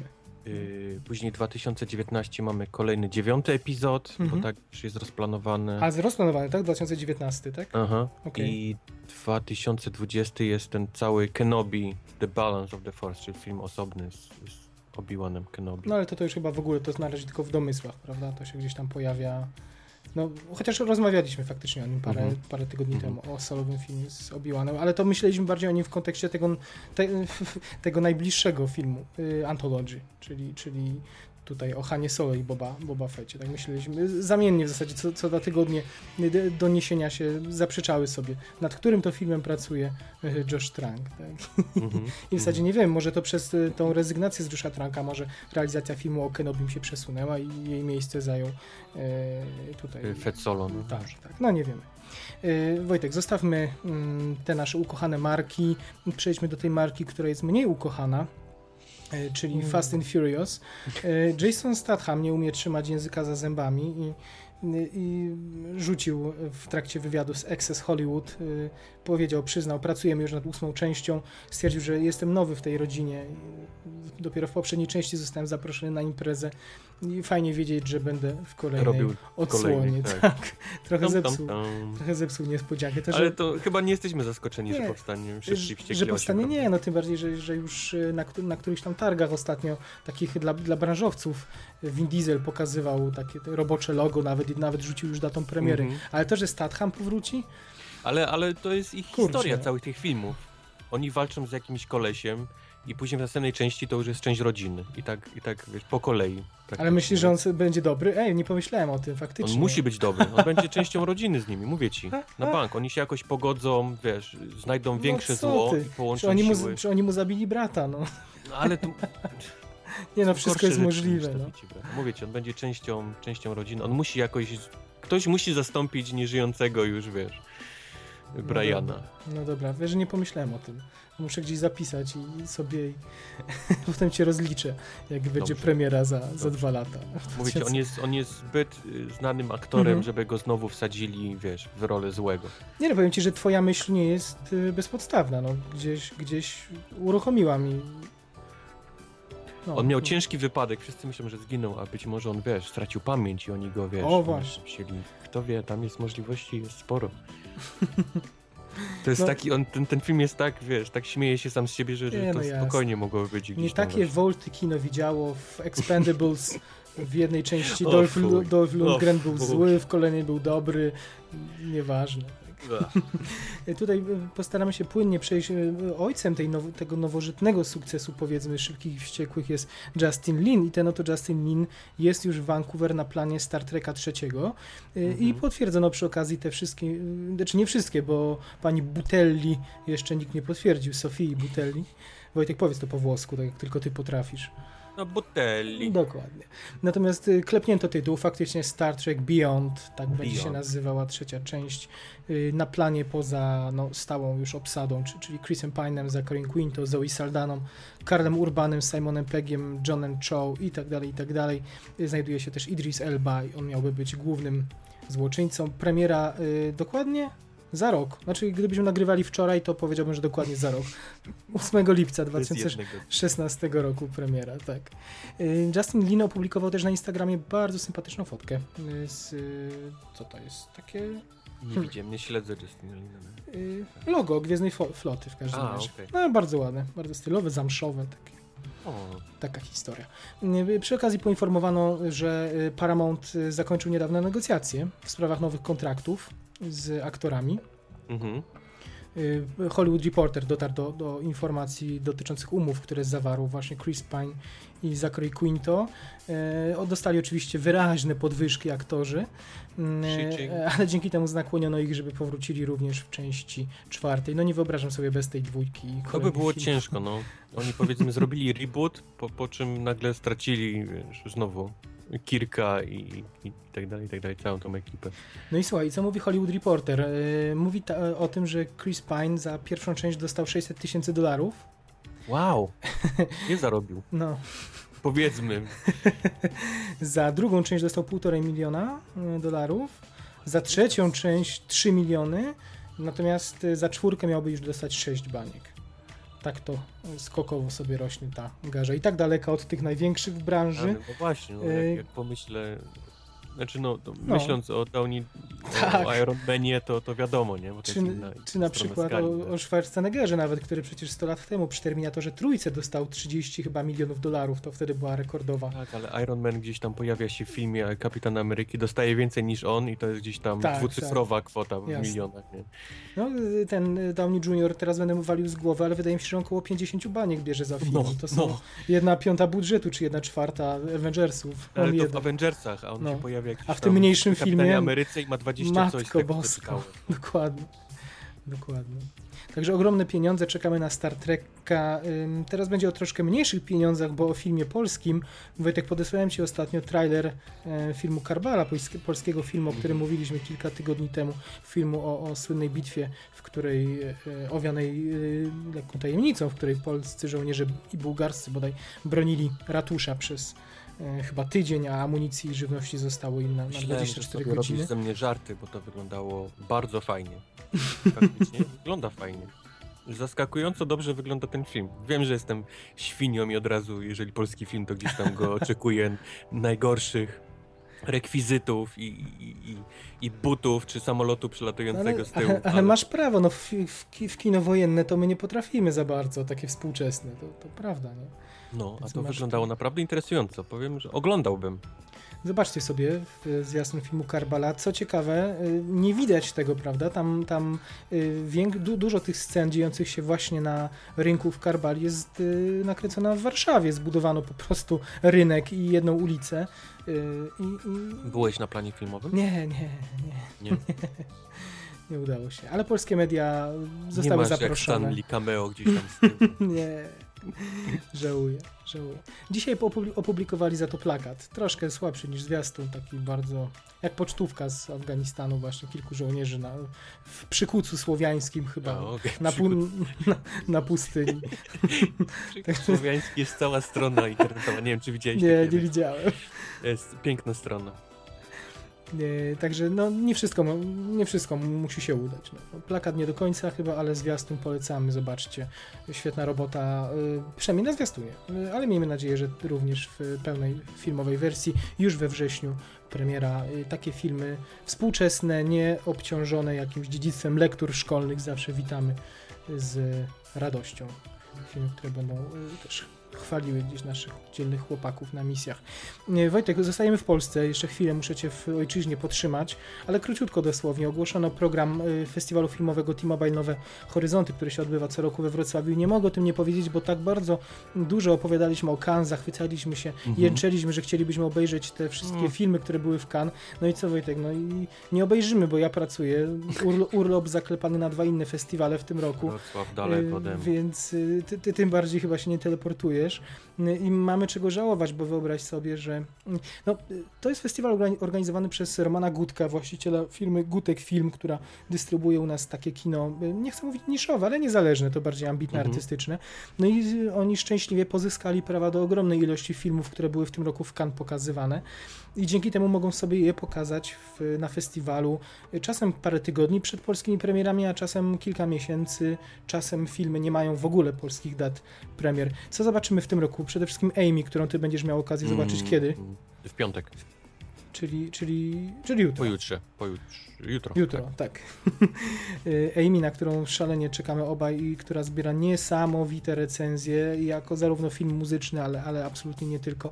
I ta Amy w Polsce premierę będzie miała na początku sierpnia, ale już w połowie lipca do zobaczenia we Wrocławiu. Co dalej? E, Love Gaspara Noe, to, to sławetne porno w 3D, Mm, którego mm. jesteśmy bardzo, e, bardzo ciekawi. Co jeszcze? Jorgios Lantimos, grecki reżyser i jego film The Lobster, również pokazywany O. w Cannes, czarna komedia z Mhm. Colinem Farelem. Mhm. Tutaj nam e, zostanie zaprezentowana. No, y, bardzo, bardzo z, z, z, z ogromną chęcią bym to oglądał. Syn Szawła na przykład, A węgierski. Nie, nie, Dope tutaj nie widać, ale tak jak ci mówiłem, Dope to jest takie rdzenie amerykańskie kina, to będzie myślę na festiwalu, amerykańskim festiwalu filmowym, No właśnie, to nie, no okej, Który może również jest, ale który... jest mylące, bo, bo myślisz, że to jest film, wiesz, o, o czarnoskórych dla, powiedzmy, czarnoskórych, a tak naprawdę jest, biali się bawią Mhm. chyba przy tym, przy tym No bardziej. tak, tak, ale to chodziło mi bardziej o to, że to po prostu amerykańskie kino niezależne, a, Jasne, a, a jemu dedykowany jest festiwal, American Film Festival, organizowany przez tego samego człowieka w tym samym miejscu we Wrocławiu, tylko że dwa miesiące później I, i tam liczę, że to się pojawi. Tak jak mówię, syn Szawła, ten węgierski z y, nagrodą Grand Prix tegoroczną o Holokauście, też niesamowity, opowiadaliśmy już wam o nim, znaczy opowiadaliśmy to, co o nim wiemy z relacji z Cannes, bo sami niestety nie widzieliśmy, więc ten syn Szawła. Y, Do tego na przykład Assassin, czyli zabójca, ten y, Ten, ten e, azjatycki. y, azjatycki, tak, on z tą Mhm. sztuką, sztuką Wuxiu chyba to się nazywa, Mhm, tak? Te, tak jak mhm, mhm. Tygrys, Ukryty Smok, więc... Strasznie dobre recenzje ma. Gdzie bym nie czytał, to są same, same No tak, to, to, to komentowaliśmy o tym, nie? że znowu w, w Mhm. Europie nie bardzo, w Stanach Mhm. bardzo są zachwyceni. Ale, ale ciekawe są też y, filmy, bo są filmy, które ty już widziałeś 100 lat temu, które w Polsce wyszły na DVD, wyobraź sobie, czyli Inherent Vice Paula Thomasa Andersona. O, tak, Ale to będzie jedyna okazja zobaczyć go na dużym ekranie. jasne. Czy na przykład Mr. Turner, znako, Mhm. znakomity Mike Lee, y, który też nie wyszło w końcu Nie doszedł do nas, nie, nie, nie, tylko Wow. DVD. No. Także takie, takie historie będziemy tu mogli zobaczyć. Zerkam jeszcze do programu, co tutaj y, takiego y, się znajduje. Pasolini, Abla Ferrara. Abel Ferrara będzie gościem, zdaje się, w ogóle tego y, festiwalu. Mm, mm, mm. Jeszcze sobie zerkam, jeszcze, jeszcze, jeszcze. Y, Jakieś też. y, A, właśnie, o tym chciałem Ci powiedzieć. Scena muzyczna. Tam są, przy okazji festiwalu są też y, koncerty i wyobraź sobie, że będzie pani, która się nazywa Jasmin Hamdan i to jest ta pani, która śpiewała w Tylko kochankowie przeżyją w finale, O, tam w Maroku. Tak, także przyjedzie, będzie jej koncert. O. Także, także cudny dodatek. to był ładny kawałek. No. No. Słuchał. No. Świet, świetny fi, świe- świetne zakończenie filmu, świetna piosenka. Y, Śledzona gdzieś ukradkiem razem z bohaterami. Trochę na lewo, bez biletów, tak? tak, No. to, tak to wyglądało. Także cudowny program, y, bardzo udana selekcja filmów y, i- żałujemy, że tam nas nie będzie. Wracamy do Stanów Zjednoczonych, ym, Wojtku, i spytałeś mnie, jak, jak wypisaliśmy sobie ten, ten news, co, dlaczego jest renesans ponowny Michaela Crichtona. Co się dzieje? Co się dzieje? No ponowny, bo jego książki były, na- napędzały filmy w latach 90. I to nie tylko t- thrillery science fiction, y, Mhm. ale też jakieś filmy bardziej kryminały czy filmy prawnicze. Mm, Tutaj mamy film y, Mikro. Tak się nazywa. Nitro. Nitro. Mikro. Mikro. Czy mikro? Mikro chyba. Mikro, ale to dlatego, że widzę, patrzę na okładkę książki i tam jest jakaś mrówka i człowiek mniejszy od mrówki, więc zakładam, że Okej. chodzi o rozmiar. Okej. Mm, I co to miałoby być? DreamWorks zakupił, y, tutaj wszyscy podejrzewają, że to jest na fali popularności dinozaurów, po prostu gdzieś, mimo że przecież Jurassic World ma bardzo niewiele wspólnego z, Mhm. z Michaelem Crichtonem, a w zasadzie poza wyjściowym pomysłem na dinozaury nie ma, nie ma wcale, no to, to jednak gdzieś od razu myślę, ludzie, włodarze patrząc na wynik dinozaurów odgrzebują to nazwisko człowieka, która na to wpadł i sprawdzają, które jeszcze jego książki nie zostały zakupione. Wojtek, co to miałby być za film, ten mikro, powiedz? Nie wiem, to ty nie mi wiesz, powiedz. to ja ci mam powiedzieć. Dobra, to miałby być, wyobraźcie sobie, mix, y, b- brzmi trochę jak mix Antmana z Jurassic World. Ojej. Nie, to, Małe to, dinozaury, to- czy mali nie, ludzie, to jest grupa dinozaury? ludziach, o, o specjalistach z dziedziny mikrobiologii, y, entomologii, bi- biochemii i tak dalej wyrusza na, na naukową na, na projekt naukowy przez oczywiście amerykańską jakąś firmę w stylu, w stylu tej z Jurassic World Y, i y, oni wyjeżdżają na Hawaje y, na- nie wiedzą co ich czeka oczywiście, a tam okazuje się pa, padają ofiarą technologii, y, która prawdopodobnie zmniejsza ich do mikroskopijnych Rany rozmiarów i muszą przetrwać w tej dżungli na ha hawajskiej. Gdzieś tam. Coś jak Zostają kochanie zmniejszy- zmniejszyłem moje dzieci, tak? Może wiesz, kują, że znaczy chcą wyprzedzić sukces Antmana. Nie, No, no brzmi dziwnie. brzmi dziwnie, no. Brzmi tak, że nie kupiłeś mi jakoś specjalnie na ten, film. E, Brzmi jak takie filmy straight to DVD, nie? No. Giga- Gigantyczne małpy atakują Zwłaszcza zmniejszonych moment, ludzi. w którym powiedziałeś, że w ramach wypadku zostali pomniejszeni.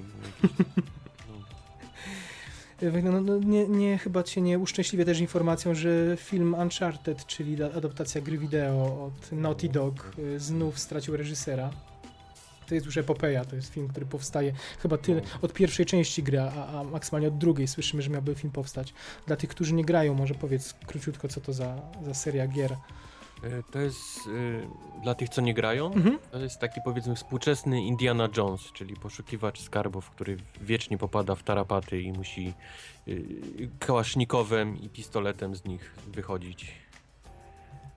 Obronną ręką. Bardzo widowiskowy, Mhm. bardzo komediowy. Ale to nie to taki nie tylko gra położona na, na, na powiedzmy strzelanie, jest tam Mhm. dużo fajnie napisanych dialogów, fajnie e, nakreślone e, postacie. Tym, tym, głównie tym stoi ta, ta, ta marka niż, niż samym strzelaniem, żeby nie było. Tak, także zapowiada, planowa, planowano i zapowiadał się nam współczesny Indiana Jones i, i e, z tym projektem był teraz związany Seth Gordon, natomiast przypomnijmy kto był wcześniej, bo wcześniej na początku chyba tej epopei był David O. Tak, że Czyli- to się ciągnie już od jakiegoś czasu całe ten, ten i jego, i jego no. może nie nadworny aktor, ale aktor, który, z którym się polubił na pewno bardzo po fighterze, czyli Mark Wahlberg. Mark i Mark Mhm. był, był związany z Unchartedem, na, na którego to Mark i Marka psioczyli fani gry i nie Mhm. chcieli go jako, jako Mhm. Nathana Drake'a. Nikt nie chce już marki Marka bo on już wszędzie się pojawi. Był wiązany Neil Berger, to jest gość od Limitless, czyli jestem Faktycznie Bogiem. Był, tak, tak. On był przez chwilę, gdzieś teraz mi to, to wpadło do głowy. Seth Gordon to jest człowiek odpowiedzialny za komedię Szefowie Wrogowie, której to komedii Horrible Bosses, tak. Nie za bardzo ją lubię. I... Kiedy wszyscy już się, już się cieszyli, że w końcu jest jakiś ak- e, reżyser, który powiedzmy weźmie się za, za ten film, no to e, w Sony się pojawiły Mhm. tak, pewne zmiany. Odeszła Amy Pascal, e, przyszedł Tom Rothman, który jak się okazało nie, nie bardzo wierzy w ten film. Nowa miotła powiedział, ma to kosztować dużo mniej, zmieniamy Mhm. scenariusz. W związku z tym Green powiedział, ja się za to nie zabieram. Seth Gordon strzelił focha i powiedział, że, że odchodzi. Mhm. No i na tym stoimy teraz. Nie ma reżysera znowu. Także przykro nam. Uroncie łzę wszyscy fani Nathana Drake'a. Y, Wszyscy fani King Konga też powinni uronić łzę. Mm, Projekt, który zapowiadał się niezwykle interesująco, Kong School Island. Y, Mhm. Jeśli dobrze y, mówię, to jest film Jordana Voga Robertsa od Królów Lata, od Mhm. Kings of Summer. Genialnej komedii, Świetny o której film. wiele razy No. tutaj już mówiliśmy. Coming of Age, czyli, czyli właśnie takiego filmu inicjacyjnego, znakomitego. I ten człowiek też, podążając za trendem, dostał po filmie niezależnym olbrzymi projekt za wielkie pieniądze. Prequel, tak? Yy, King Prequel, Konga. Tak, tak, tak, tak. No. I powiedz, y, jakich trzech aktorów było z tym filmem związanych i których dwóch już nie jest? E, dwóch, których było związanych nie jest, oczywiście chodzi o Michaela Keatona i Jake'a Simonsa. Oni nie zrezygnowali, powiedzmy, bo przeczytali coś, co im się nie Mhm. spodobało, tylko ten, ten cała produkcja filmu została przesunięta e, z jesieni na koniec roku i gdzieś Mhm. to koliduje po prostu z ich planami i, i musieli zrezygnować z tego projektu. A trzecią, nie wiem. Ty, ty, No, czy- Tom Hiddleston jest cały czas Tom Hiddleston, tak, związany. tak, faktycznie. Tam też jest Tom Hiddleston. No. jako ten główny y, aktor. To wszystko, co wiemy na razie o tym filmie. Wiemy też, że za scenariusz odpowiadają m.in. scenarzyści Lotu z Denzelem Washingtonem i, i, i ostatni Godzilla. Premiera zaplanowana jest na 10 marca 2017 Mhm. roku. Róbcie, produkujcie fatalnie, świetni aktorzy. Y, Boże, cały czas zapominam, że J.K. Simmons był w tym Terminatorze, o którym będziemy dzisiaj mówić, wiesz? Au, pro. Tak mówisz, że świetny aktor, po czym ma od razu przebitkę na, na Terminator. Ale to nie jest jego. To nie jest jego wina. W cały, no nieważne, dojdziemy do tego. Jasne. E, Inny film e, z kolei powstał z martwych. E, Film, za który odpowiadała Catherine Bigelow. Kobieta, która dostarczyła nam jeden z najlepszych filmów e, wojennych, znaczy tak szeroko pojętych, bym powiedział. Jako amerykański, amerykański żołnierz w amerykańskim wywiadzie, Herdlocker w Pułapce Wojny i Zero Dark Thirty. I ona była wiązana z filmem Triple Frontier. Yy, I, I już nie jest związana. Te informacje o nim pojawiały się od, od kilku lat. W tym momencie z projektem y, łączony jest JC Chandor, czyli gość od y, Most Violent Year, tak? W Most Violent Year, tak. ostatnim, ostatnim roku między innymi, który do Polski oficjalnie nie dotarł. Y, I to są, szczegóły filmu są trzymane póki co w tajemnicy, ale ma to się, ma to być historia, która rozgrywa się gdzieś na granicy Brazylii, Argentyny i Paragwaju, no, więc możemy przypuszczać, że to jest gdzieś, nie wiem, konflikty, mafia, y, porwania jakieś, nie wiem, handel narkotykami czy czegoś, tak, konflikty różnych przestępców, szmuglowanie, czy No, jak tak to jest zawsze na granicy Boliwii, Kolumbii czy gdzieś tam, to, to nie ma, że jest o, o nie wiem, dramacie rodzinnym. o dramacie rodzinnym, tylko to zawsze jest o Mhm. plantacji kokainy i, i o przemycie gdzieś tam do Stanów czy Meksyku. Fajne nazwiska aktorów są z tym projektem wiązane, bo to jest Tom Hanks i Will Smith i oni podobno są cały czas e, zainteresowani wzięciem udziału w tym. Także może się doczekamy interesującej historii. Mm, troszkę pokrewna, troszkę też, nie, czy nie, nie pokrewne, o Boże, ugry, ugryzę się w słowo, ale tak mi się skojarzyło z, właśnie z Catherine Bigelow. Chciałem przejść do, bo też temat Afganistanu, to jest tu- tutaj z kolei temat Afganistanu. Dramat e, Lioness, e, z którym związana jest Ellen Page. Mm, To jest y, z kolei historia, która, y, tak mi się wydaje, ma duże szanse gdzieś w wyścigu o y, Oscary, jeśli tylko wyrobią się z tym filmem na, na ten okres Oscarowy. Y, Ellen Page dawno nie widziana, no, poza, poza może X-Menami. X-Menami, no. Y, Może najpierw powiem o, czym ten film jest, a potem powiem dlaczego być może nie widziano i dlaczego ubolewam, że jest jej tak mało. Y, To, to ma być biograficzna historia Leslie Martz, to jest amerykańska pani żołnierz z piechoty morskiej, którą wysłano do Afganistanu i miała tam e, spełnić dwojaką misję. Z jednej strony miała zdobyć zaufanie kobiet, uczyć ich walki o swoją niezależność, a przy okazji wyciągać informacje o ich niedobrych ta- talibskich mężach i y, właśnie ta Leslie, ona ukrywała swój homoseksualizm i była rozdarta gdzieś między no, tym zobowiązania, zobowiązaniami wo- wobec swoich przełożonych, a y, sympatią do Afganek. Mhm. No i, i, i- co Wojtek myślisz? No, y, znaczy, Hmm. ten film, nie da się go nie połączyć z coming outem Ellen Page na pewno, No, który no. ostatnio miał miejsce, który był pięknym, odważnym gestem z jej strony, ale który gdzieś zamknął jej drogę w Hollywood, prawda? Ja nie wiem, może to jest jej decyzja, ale, no. ale no, Brian Singer ją obsadza cały czas w X-Menach konsekwentnie, on też jest, on, on jest y, homoseksualistą i jakby y, znaczy nie doszukuje się tutaj jakichś wielkich dyskryminacji czy, czy, czy czegoś, ale pewnie tutaj jest między nimi, chem, między nimi chemia i, i dla niego to absolutnie nie jest problemem Mhm. y, y, y, to, co ona zrobiła, ale no nie chcę mi się wierzyć, żeby to była jej decyzja artystyczna, że ona gra teraz tylko w filmach, które wychodzą na DVD, bo w takich się gdzieś pojawia, albo, albo tylko w totalnie niszowych produkcjach. Pamiętamy przecież Incepcję Nolana parę lat temu, Tak. je, jej świetny występ. Mm, no smutne jest to, że zginęła. Ja mam cichą nadzieję, że to jest, chcę wierzyć w ludzkość, że to jest jej, jej decyzja, a nie to, że spotykał ją jakiś ostracyzm w Hollywood, nie? Ale, ale... Nie wiadomo. Nie wiem, czy masz jakąś inną teorię na ten temat. Może mnie, Nie. może mnie podniesiesz na duchu, nie wiem. Może, wiesz, może po prostu jest w takiej aktorskiej, powiedzmy teraz, czarnej dziurze, gdzie, Mhm. gdzie myśli, y, jak się przebrandować, y, powiedzmy, w jakie filmy się teraz gdzieś wejść, żeby, żeby Jasne. nie, nie być zaszufladkowanym jakimiś tam X-Menami, czy może chce iść w Indii, ale nie jest tego pewna. No, może dlatego nie, nie No widzisz, bierze ale ten, ale ten film też brzmi jak, brzmi jak szufladka. Nie? Ellen No, Page no niby właśnie tak. No. z innej, z trochę innej strony. No nic, zobaczymy. Czekamy na efekt, brzmi smakowicie. To może mi wyprowadzisz z, z moich obaw na temat projektu pod tytułem Pinokio. za którym ma odpowiadać. Pinokio s- też s- to słyszy się od lat o aktorskiej wersji. Tam e, Robert Downey Jr. lobbuje, strasznie chce zagrać Geppetta i, i ma ochotę na ten film. Tylko, że powiedz mi, czy Paul Thomas Anderson to jest najlepszy wybór dla filmu o Pinokiu? Myślę, że to jest w tym momencie jedyny, wiesz, gość, który się zdecydował na ten tytuł, bo jakoś wszyscy olewają raczej. Nikt nie chce robić Pinokia. Tak przynajmniej wygląda historia tego tytułu. Tak jak mówiłeś, Robert Downey Jr. cały czas gdzieś pimpuje po różnorakich e, showach, że, że chciałby zagrać, że chciałby, ten, żeby ten film powstał, tylko no, no, nikt nie mógł e, żadnego reżysera gdzieś tam do, dokoptować do tego filmu. Aż właśnie pojawił się Anderson, który powiedział, że on to zrobi. Będzie mocno, mocno narkotyczny Pinokio.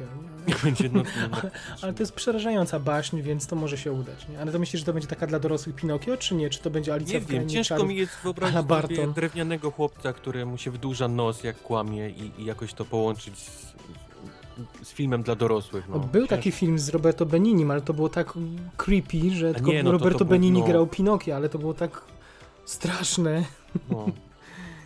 E, No na szczęście tu Downey Jr. miałby być e, Geppettem, tak zakładam, że Miał Pinokio to byłoby jakieś CGI, ale no e, piorunująca. Wygląda jak jakieś takie nies- niespełnione marzenie Mhm. Roberta Downeya Jr. On to jakoś tak dziwnie ciągnie, to, tą samą chęć zagrania Geppetto i ten film ma, ma jego z żoną chyba robią, Mhm. jeżeli pamiętam, przez tą ich firmę, Tim Downey, która się nazywa zresztą. No, nie wiem. Nie wiem. Ciężko mi jest wyobrazić sobie, tak jak już mówiłem, Pinokio. Nad, nad scenariuszem pracowała już masa osób, bo był i Michael Mitnick, to jest od, Oj, tak. od, od The Giver, czyli Dawcy Pamięci, i Jane Goldman od y, Kingsmana, i Brian Fuller, słynny od, od Hannibala, tak? Więc Mhm. jest, tego, jest tego dużo. Teraz mieliby pomóc scenarzyści Obywatela Milka w, y, Mhm. y, w produkcji. Wróć, y, producenci, nie, oni jako producenci, przepraszam. Producenci. Yy, więc yy, taki to narkotyczny, psychodeliczny Pinokio nam się, nam się szykuje. Yy, Wojtku drogi, Lucy 2. mm, Zapłakałeś do mnie parę dni temu w tej sprawie. Ja wysłałem tylko świeczkę. Nie zdobyłem się na żaden większy komentarz. Ale musimy powiedzieć, że Luc Besson niestety ma w planach sequel Lucy 2. Nie wiem. Ma w planach kol- sequel Kolumbiany. Widziałeś Kolumbiany? Ja nie widziałem Widziałem Kolumbiany. Kolumbiany. To jest dużo lepsze od Lucy, czy... Jest dużo lepszy od Lucy. Mhm. No. Byłem zaskoczony, znaczy nie, nie spodziewałem się dużo po tym filmie, Mhm. dostałem dużo więcej, więc byłem, byłem pozytywnie zaskoczony. To jest jakieś kino zemsty, yy, tak? Tak, tak, tak, tak. To jest, to jest y, Z Zoe Saldana. o dziewczynce, która dorasta i postanawia się Mhm. zemścić na, na, na, na tym, co jej się przytrafiło w młodości. Jasne, jasne. Yy, czyli czekasz na któryś z tych sequeli, czy wolałbyś, żeby nie dotykali tych obu filmów, obu marek? Boję się, że Kolumbiana 2 będzie, nie będzie dobrym filmem, bo to zazwyczaj jest fajny pomysł na raz, drugi raz to już nie, nie bardzo wypala.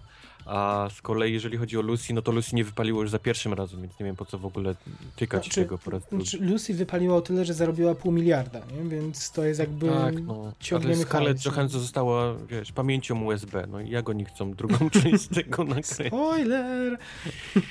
No, No, widocznie coś tam wymyślił. Y, Tu jest zrozumiała ta decyzja o tyle właśnie, że ta kwota jest y, olbrzymia może, wiesz, być może przemyślał sobie, że, że poszedł za daleko z Lucy, czyli całym tym, powiedzmy, końcówką tego filmu. I, i Że chciałby to naprawić, tak? Że dwójką Że chciałby to naprawić Mhm. i zrobić to, co było fajne, bo było fajne Mhm. momenty w tym filmie. Nie, nie mogę powiedzieć, nie, sam, sam ten motyw tych narkotyków i co on, co on jakie moce No tak, daje, no tak. to było fajne. To Mhm. jeżeli na tym się skupi, na jakimś takim właśnie laniu kolesi w garniturach w ciasnych korytarzach, to... Czyli to, czego było w Lucy 5 minut, nie? W całym Mhm. filmie. Mhm. Jeszcze Mhm. tak sztampowe, jak tylko mogło być. Że, że... No tak. No, ale to, to nie wracajmy, znęcaliśmy się nad Lucy chyba w odcinku e, e, zerowym podsumowującym. Mm, Natomiast Kolumbiana 2 to z kolei była porażka finansowa, ona tam ledwo się zwróciła, jeśli w ogóle. No tutaj może chodzić tylko o to, że Ja ten film przegapiłem w ogóle w kinie, to gdzieś dopiero oglądałem na jakimś Mhm. VOD i znalazłem co to jest? Podejrzewam, że to w międzyczasie Zoe Saldana zagrała w Star Treku, w Awatarze, zaczę, zaczęliśmy ją kojarzyć i pewnie ją po okładce na przykład A to było po sięgnąłeś tym, już po Kolum, długo po Kolumbianie ona zaczęła Tak, grać. tak, no. Aha, to No. ty sięgnąłeś wcześniej, rozumiem jeszcze, tak? Po Kolumbianie, Mhm, mimo mhm, wszystko. mhm. Mhm. O Jezu, No- Kolumbiany to już oglądałem ładnych parę lat temu. Mhm. No, Awatara też oglądałeś ładnych parę lat temu. No Star niby Treka tak. też, 6 lat temu to już, panie. Epoka cała. no więc tutaj można upatrywać tylko i wyłącznie w popularności ewentualnej Zoe Saldany, sukcesu Kolumbiany, bo, bo sama w sobie yy, widzów do kin nie, na, nie napędziła. Wojtek, powiedz mi krótko, yy, co to jest za news y, James Bond y, w komiksie ze scenariuszem Wa- Warrena Ellisa? Kto, Mm. kto na to pozwolił i Nie wiem kto, ale chciałbym, chciałbym poznać tą osobę i mu podziękować. Bo Warren Ellis to jest jeden z moich teraz ulubionych e, pisarzy komiksowych. On, on, to, to, co napisze, jest tak fantastyczne. Zwłaszcza polecam wam. em, Jezus, mam Arkham Knighta, nie Arkham Knighta, tylko e, Moon Knighta. Mhm. Y, serię, serię Moon Knighta, czyli taką postać raczej zapomnianą w Marvelu. On ją, on ją teraz podniósł na, na maksymalne wyżyny i tak świetnie są napisane, że, że chciałbym zobaczyć nawet serial w stylu Daredevila, który Aha. byłby, myślę, nie wiem czy nie byłby nawet lepszy niż, niż Daredevil, jeżeli Jasne. Netflix nakręciłby Moon Knighta, tego właśnie od, od Warrena Ellisa, ale, ale jak przeczytałem, że będzie pisał em, komiksy o, o Jamesie Bondzie, no to tak. No więc powiedzmy tylko, że jeśli ktoś jest zainteresowany, to premiera pierwszego albumu w listopadzie mniej więcej pokryje się z... Jest ciekawe, bo, bo od, chyba od ponad 20 lat nie było żadnego komiksu o Jamesie Bondzie. Wiesz, może nikt nie chciał udzielić licencji, tam są... I nie udzieli licencji. Widzę, że teraz ta, ta rodzina em, Flemingów, która Mhm. gdzieś tam odpowiada za tą markę, gdzieś w końcu y, pozwoliła na gdzieś parę tych, tych, bo to ma parę serii wyjść. Chociaż, chociaż powiem Ci, widziałem wczoraj, wczoraj ich oświadczenie na stronie Bonda oficjalnej o tym, że nie udzielili licencji na produkcję musicalu. Najwidoczniej ktoś w Londynie chyba zapowiedział produkcję Tak, musicalu o tak, tak, Bondzie, tak. więc oni się odcięli, powiedzieli, że absolutnie nikt nie ma praw do użycia wizerunku, nazwy i tak dalej, to jakaś bzdura. No, ale powiedzmy krótko, premiera w listopadzie, fabuła ma opowiadać zarówno, jakby to mają być komiksowe adaptacje powieści Fleminga, jak i nowe historie. Mhm. Ma rozpocząć się y, no, takim pewnie originem trochę, próbą zlikwidowania zbuntowanego agenta 00. Y, y, To, to, o tym będzie opowiadać historia. Mamy, widzimy już y, opublikowaną grafikę okładkową, taką bardzo minimalistyczną. Wygląda świetnie. To Taka- właśnie obrazkami zajmuje się Jason Masters, który jest znany chociażby ze świetnego, naprawdę świetnego Batman Incorporated. Także Aha. to połączenie tych dwóch gości naprawdę da, da fajny komiks. Brzmi świetnie. Brzmi świetnie. Tak, okładka taka, nie wiem, czy to w śniegu, James Bond idzie po śniegu, Mhm, mhm, zostawia mhm. krwawe ślady za Jason sobą. Master ma, ma taki bardzo charakterystyczny, ym, charakterystyczną kreskę. Trochę malarska, Lubi- mało szczegółów, no, jak to mhm, wygląda. mhm, mhm. No, Czekamy. czekamy. Świetnie, świetna sprawa. Y, Kończąc, powoli, y, powoli dobiegamy do końca newsów. Jeszcze krótko, Ben Affleck y, zabrał się w końcu za porządny film o FIFA. Żartowaliśmy dwa tygodnie temu, że, że powstał film o, o FIFA na, na zamówienie samej FIFA, opiewający ich, jej znakomitych prezesów. Natomiast... A dzień potem pojawiła się informacja, że powstaje drugi film mówiący o tym, jakim przekrętem był Tak. ten pierwszy film. Tak, tak. Więc yy, faktycznie Warner kupił prawa do adaptacji książki House of mm, Decade. Decade, coś takiego. Nie wiem, czy dobrze, czy dobrze czytam. W każdym razie tak, ona skupia się na, na opowieści o korupcyjnym skandalu. Nie mówi o tych y, wydarzeniach, które miały miejsce kilka tygodni temu, oczywiście, bo, bo to jest książka sprzed kilku lat, natomiast y, to jest historia opowiadająca o tej amerykańskiej stronie skandalu i w Mhm. centrum historii ma się znaleźć Chuck Blazer. To Chuck był Blazer. Jak, jakiś czas temu po prostu. Mr. jednym z, 10%, no. tak, jednym z najważniejszych y, ludzi w FIFA. Od połowy lat 90. w zasadzie, tak? I on Koleś, który się przewijał co jakiś czas w wiadomościach gdzieś tutaj w Stanach Mhm. Zjednoczonych. Tym jakie, jakie robi przekręty, jakie pieniądze zgarnia. Zawsze padało pytanie, jakim cudem ten gość jest jeszcze nie śledzony przez FBI albo nie jest zainteresowany, albo dlaczego FBI nie jest zainteresowany tym, tym co robi. No teraz już wiemy. Był, był informatorem dla, dla FBI przez długie lata i to dzięki niemu właściwie rozsypało się całe to FIFA ostatnio, które gdzieś tam aresztowali tych najważniejszych, najważniejsze osoby.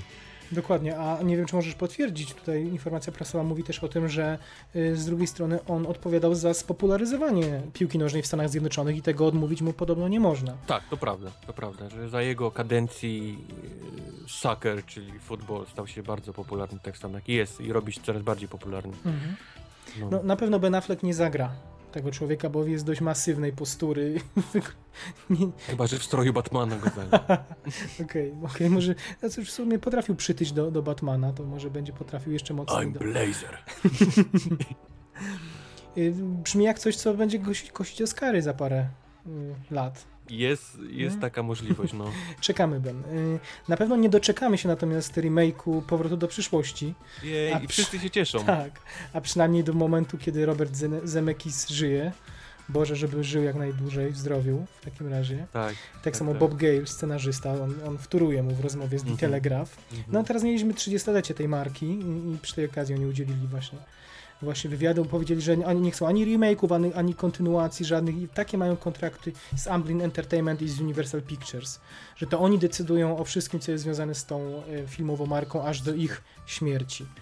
Tak to, e, tak to brzmi. I oni argumentują to prosto, że, że to jest dla nich niedorzeczne, że zwłaszcza po tym, jak jak dobre im filmy wyszły, że to mówi, że Mhm. to trochę buńczucznie, ale, ale, ale pewnie też trochę żartobliwie mówi, że to trochę jakby ktoś powiedział, że zróbmy remake Obywatela Keina. Kto miałby Tak, zagrać Keina? Mielibyśmy czytać później gdzieś tam na stronie internetowej, kto zagra obywatela Keina, czyli co Tak. No. wydaje mu się po prostu herezją. Każdy inny bohater, y, każdy inny aktor grający doktora, czy, czy zastępujący Michaela J. Foxa, no to gwałt No. jakiś na, na, na franczyzie. Cudnie, Oby żył jak najdłużej, Tak. ale czuję, że po jego śmierci tydzień po tym Czujesz od razu, sępy się rzucą, scenariusz, tak, tak, tak. tak, nowe, całe uniwersum y, powrotu do przyszłości, rozpisane filmy do 2035.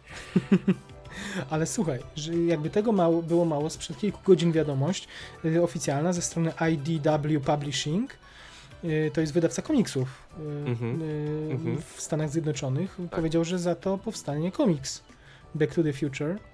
Fajnie. ID to- ma najfajniejsze komiksy ostatnio wydaje. Takie, takie bardzo indie, ale trafiające praktycznie każdym numerem do, O, to, do mnie, mnie us- to mnie uspokoiłeś. Wyobraź sobie, że, że scenariusz tworzy Bob Gale, czyli ten sam człowiek, który Mhm. przed sekundą, którego cytowaliśmy, że po jego trupie kontynuacja filmowa, ale nie, nie przeszkadza mu stworzyć kontynuacji komiksowej, scenariuszowo. Rysunki Brent y, Schoonover, mm, Mhm, to jest jakiś mhm. człowiek y, od Batman 66. Tak, tak. Ym, I każdy zeszyt miał opowiadać dwie historie y, i nad każdą z nich mają pracować dwie osobne pary rysowników. Fajnie, bardzo fajnie. No. W pierwszym zeszycie y, obejrzymy y, historię spotkania Martiego z doktorem Brownem, a w drugiej historii przeniesiemy do 43 roku, przeniesiemy się i dowiemy się w jaki sposób doktor Brown wplątał się w Project Manhattan. Taka, taka historia. Wow. Nie, Także sam Bob Gale wspomina, że nadali podtytuł tym, temu komiksowi Untold Tales and Alternate Timelines i mówi, że, że zrobi to dlatego, że fani się właśnie domagali, zadawali pytania, co było przed trylogią, y, jak- co się działo w alternatywnych y, czasoprzestrzeniach. Mm, No, więc No. y, to rozumiem, że jest gdzieś takie ugaszenie tych oczekiwań. Tak? No, my nie chcemy kontynuacji ani, ani rebootów, powrotu do przyszłości, ale, ale być może masa ludzi naciska i, i 30-lecie marki jest dobrym pomysłem na, na, no, na, na, na powrót do, do tego wątku. A taki komiks to jest najmniej be, na, najbardziej bezbolesna forma y, gwałtu na, na mm, ukochanej marce. Tak? Znaczy, że, że nie, nie, nie zaszkodzi raczej, prawda? Gdyby to miało być słabe, Prawda. to, A może jak się okaże sukcesem, to kto wie, nie? O, Może, widzisz. może zmienią, wiesz, zmienią zdanie. O, widzisz. Też nie pomyślałem o tym. Dobry trop. Dobry trop. y, y, y, mówię, że powoli kończymy. To jest przedostatnia informacja, ale, ale trochę można ją postawić w kontekście tego wszystkiego, o czym mówimy od półtorej godziny.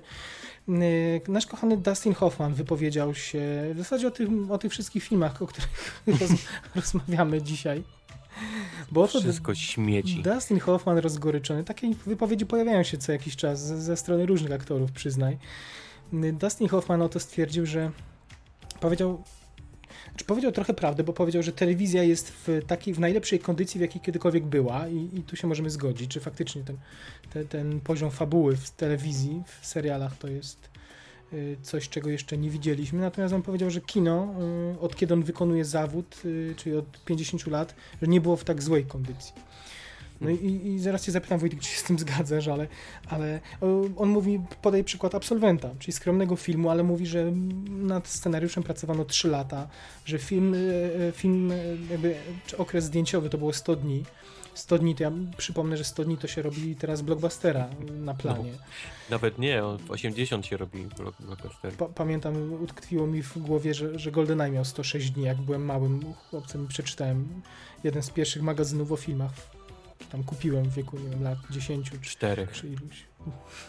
Myślę, że już umiałem czytać wtedy. Mały, Może. mały Marcin siedział na takim wielkiej toalecie i czytał ten o filmach. Cinema albo film, tak, tak. Więc y, y, no faktycznie 100 dni to jest dużo jak na takie kino niezależne i faktycznie teraz te pieniądze się muszą zgadzać i, i czas goni wszystkich, ale, ale, ale też y, forma produkcji jakby technika się zmieniła, no i to też z tym się wiąże to, że nie potrzeba tych 100 dni często na, na okres zdjęciowy, bo, bo po prostu da się to robić szybciej, nie? Jak Wojtek uważasz, czy on ma rację, że kino nie było w tak złej kondycji, czy może jest po prostu człowiekiem, który od lat z powodu ageizmu nie ma w, No czym, właśnie, nie tak. ma w czym grać i, Tak mi się wydaje, no. i ostatni sukces to chyba przeżył w serialu The Luck w HBO i ma w związku z tym jakieś dobre wspomnienie, mimo że serial, anulu, a serial anulowano, ale, ale zostało. Chciałby zagrać w czymś dobrym, a tu pewnie na każdym kroku, jak nie jakiś koleś w pelerynie, to, to szopy w statkach kosmicznych i on po prostu nie może się gdzieś wstrzelić w żadne z tych, z tych rzeczy i, i narzeka. Ale myślisz, że to tylko, Zestarzał czy, czy, i je, on czy jest, jest... taki, wiesz, jak, jak dziadek, który krzyczy, wiesz, gdzieś tam na polu, coś tam, za moich czasów to dzieci nie biegały tak beztrosko, nie, po ulicy, no, no coś, coś w ten deseń. Ale co, myślisz, że to, że to tylko i wyłącznie ten powód, taka gorycz, czy, czy coś troszkę Ja strzelam, ja nie wiem, czy, czy, czy coś mu się nie stało tam, wiesz, powiedzmy, za kulisami, nie, nie wiem, nie Słuchaj, wiem, no, jest tu gdzieś racja, że jak chcesz zrobić mały, skromny film, czy ambitniejszy, to faktycznie trudniej jest uzyskać na niego go ostatnio pieniądze. widziałem. nie? Eee, W, w, w szefie. tak, rok Mhm, temu. Ale to mhm. drobnostka, epizod w zasadzie. Nie? no, Wiesz, faktycznie jest to utrudnione, że zanim taki Birdman odniósł sukces artystyczny, on nie odniósł sukcesu komercyjnego, a, a najpierw pewnie tułał się gdzieś po festiwalach. Yy, yy, No, ale jeszcze Birdman to może nie taki dobry przykład, bo on miał y, klasowego reżysera na, na, mhm, na mhm. pokładzie. Ale czy taki Whiplash, czy no, Witaj w klubie, Witajcie w klubie, czyli Dallas Buyers Club rok temu. Nie? To są filmy faktycznie, yy, które albo musiały zacząć od kró- krótkometrażówki, która się musiała zdobyć Oscara, żeby dostać pieniądze na i tak groszowy film. Czy Dallas Buyers Club, który też w pocie czoła bez dubli robiono w 15 dni po to, żeby stworzyć no, ważny film, może nie, nie arcydzieło, ale film ważny. Nie? Więc może w tym kontekście on ma gdzieś tą rację, że, że trudno jest taki skromniejszy film zrobić, że, że trudno jest dostać pieniądze, że trudno jest przekonać studio. No ale faktycznie, Może fak powinien Tutsi znowu zagrać. Odnajdziemy go znowu, jak wspaniałego aktora w Hollywood. no, byłby bardziej wiarygodny, gdyby faktycznie próbował jednak grać w tych, y, obecnie w tych filmach, y, na, nawet mniejszych, nie? Ale, ale Mhm. znaczących, ale ważnych. Dorzuciłby tą cegiełkę, no bo znane nazwisko też pomaga w zdobyciu pieniędzy, a, a takie wypiąć się, powiedzieć, nie, ja już nie gram, y, bo, bo w kino się skończyło i nie mam co grać dzięki. Dzięki Nara. Także tak, D- Dustin nas y, nastawił nie do końca optymistycznie i nie do końca optymistycznie nastawił nas też bohater ostatniego newsa, tak jak zapowiadałem, news związany z Marvelem, ale też news związany z filmem, który będziemy dzisiaj omawiać z Terminator Genesis. Alan Taylor, reżyser Terminatora, nowego reżyser również Tora Mrocznego, M- Mrocznego Światu, Świata, Światu, Świata. Reżyser również Gry o Tron wcześniej. Mhm. Przy okazji promocji Terminatora nie omieszkał opowiedzieć, jak wyglądała współpraca z Marvelem. Nie omieszkał powiedzieć, że yy, i, i skrytykować Kevina Feige i Marvela. Kolejny już O, głos i, i kamyczek do ogródka, tak. Powiedział, że zrobił dwa blockbustery. Yy, zdał sobie oczywiście sprawę, że nikt nie da ci 200 baniek i nie zostawi cię z tym w spokoju, tylko że zawsze studio będzie się wtrącać, ale mówi, że, że doświadczenie z Marvelem było szczególnie bolesne, bo dostał niby pełną swobodę na planie i, to, i czuł to podczas zdjęć. Tam pamiętamy, że w międzyczasie podesłano mu y, Josa Whedona na plan jeszcze na pomoc, ale Mhm. mi- mimo wszystko najwidoczniej czuł swobodę. Natomiast postprodukcję y, powierzono już komuś innemu, znaczy nie miał nadzoru nad postprodukcją i film potem jak y, zobaczył go w kinie, to wyglądał zupełnie inaczej niż miał wyglądać. Nie? Czyli na etapie montażu po prostu zmieniono mu totalnie film. Powiedział, że ma nadzieję, że takie coś już się podczas jego kariery nie powtórzy, że nie życzy czegoś takiego nikomu, że to jest trauma po prostu jako dla artysty. No, umiem sobie Nie to wyobrazić, no. jasne No. powiedział, skomplementował, że przy, przy Genesis nie miał takiej sytuacji, że, że jakby tą historię, którą ustalili na początku, że Oj, pozwolono mu zrealizować. Może jednak Marvel miał dobry pomysł, żeby pozmieniać rzeczy, jak możemy teraz po Genesis. Powiedział, że, że dyskusje oczywiście ze studiem były, ale że zawsze musi być jakaś kontrola ze strony studia, przy, kiedy mamy do czynienia z tak ogromnym filmem i z takimi pieniędzmi, ale gdzieś tą wolność artystyczną do końca mógł zachować. Taki news y, smutny na samo zakończenie y, kącika newsowego. Wojtek, czy jakiś komentarz? Bez komentarza. Bez komentarza, dokładnie. A nie wróć. Y, To były newsy filmowe. Jeszcze mamy telewizyjne, ale to już takim w trymiga po prostu. Mhm. Zapomnieli, za, zapomnieliśmy w takim mini kąciku telewizyjnym. Dzisiaj czytam, że South Park jednak powróci, muszę o tym powiedzieć. Y, Tak. Umowa na trzy sezony, już myślałem, że nie wrócą, bo dosyć długą przerwę mieli. Jest radość. Musimy powiedzieć o tym, że y, pierwsze informacje o Punisherze z Daredevila y, no, są takie, jak, jak wspominałeś, że to musi być Mhm. czarny charakter, Mhm. że faktycznie y, aktor grający główną, grający Punishera publikuje na Instagramie zdjęcia ze sklepu z komiksami, jakie komiksy czyta dla, dla swojej inspiracji. Mhm. Także powoli, powoli się wkręca w tą historię, a musi się szy, szybko wkręcać, bo zdjęcia już ruszyły, niezwykle, Już ruszyło. niezwykle, niezwykle szybkie tempo. Kto tam jeszcze został zakontraktowany, powiedz, do Daredevila? E, Elodie Young jako e, Elektra, Mhm. czyli będziemy mieć też Elektrę, czyli spełniło się marzenie, mamy i Punishera i Elektrę, to jest coś, co, o czym oni wspominali, że chcieliby mieć w drugim sezonie. I jeszcze ba, e- bo, bo, Balzaj gdzieś, y, Bullseye majaczy gdzieś na horyzoncie, nie? Jako ten główny zły prawdopodobnie, Tak, który, tak, tak, tak, tak, z tak. którym był wiązany Jason Statham. Mhm, mhm.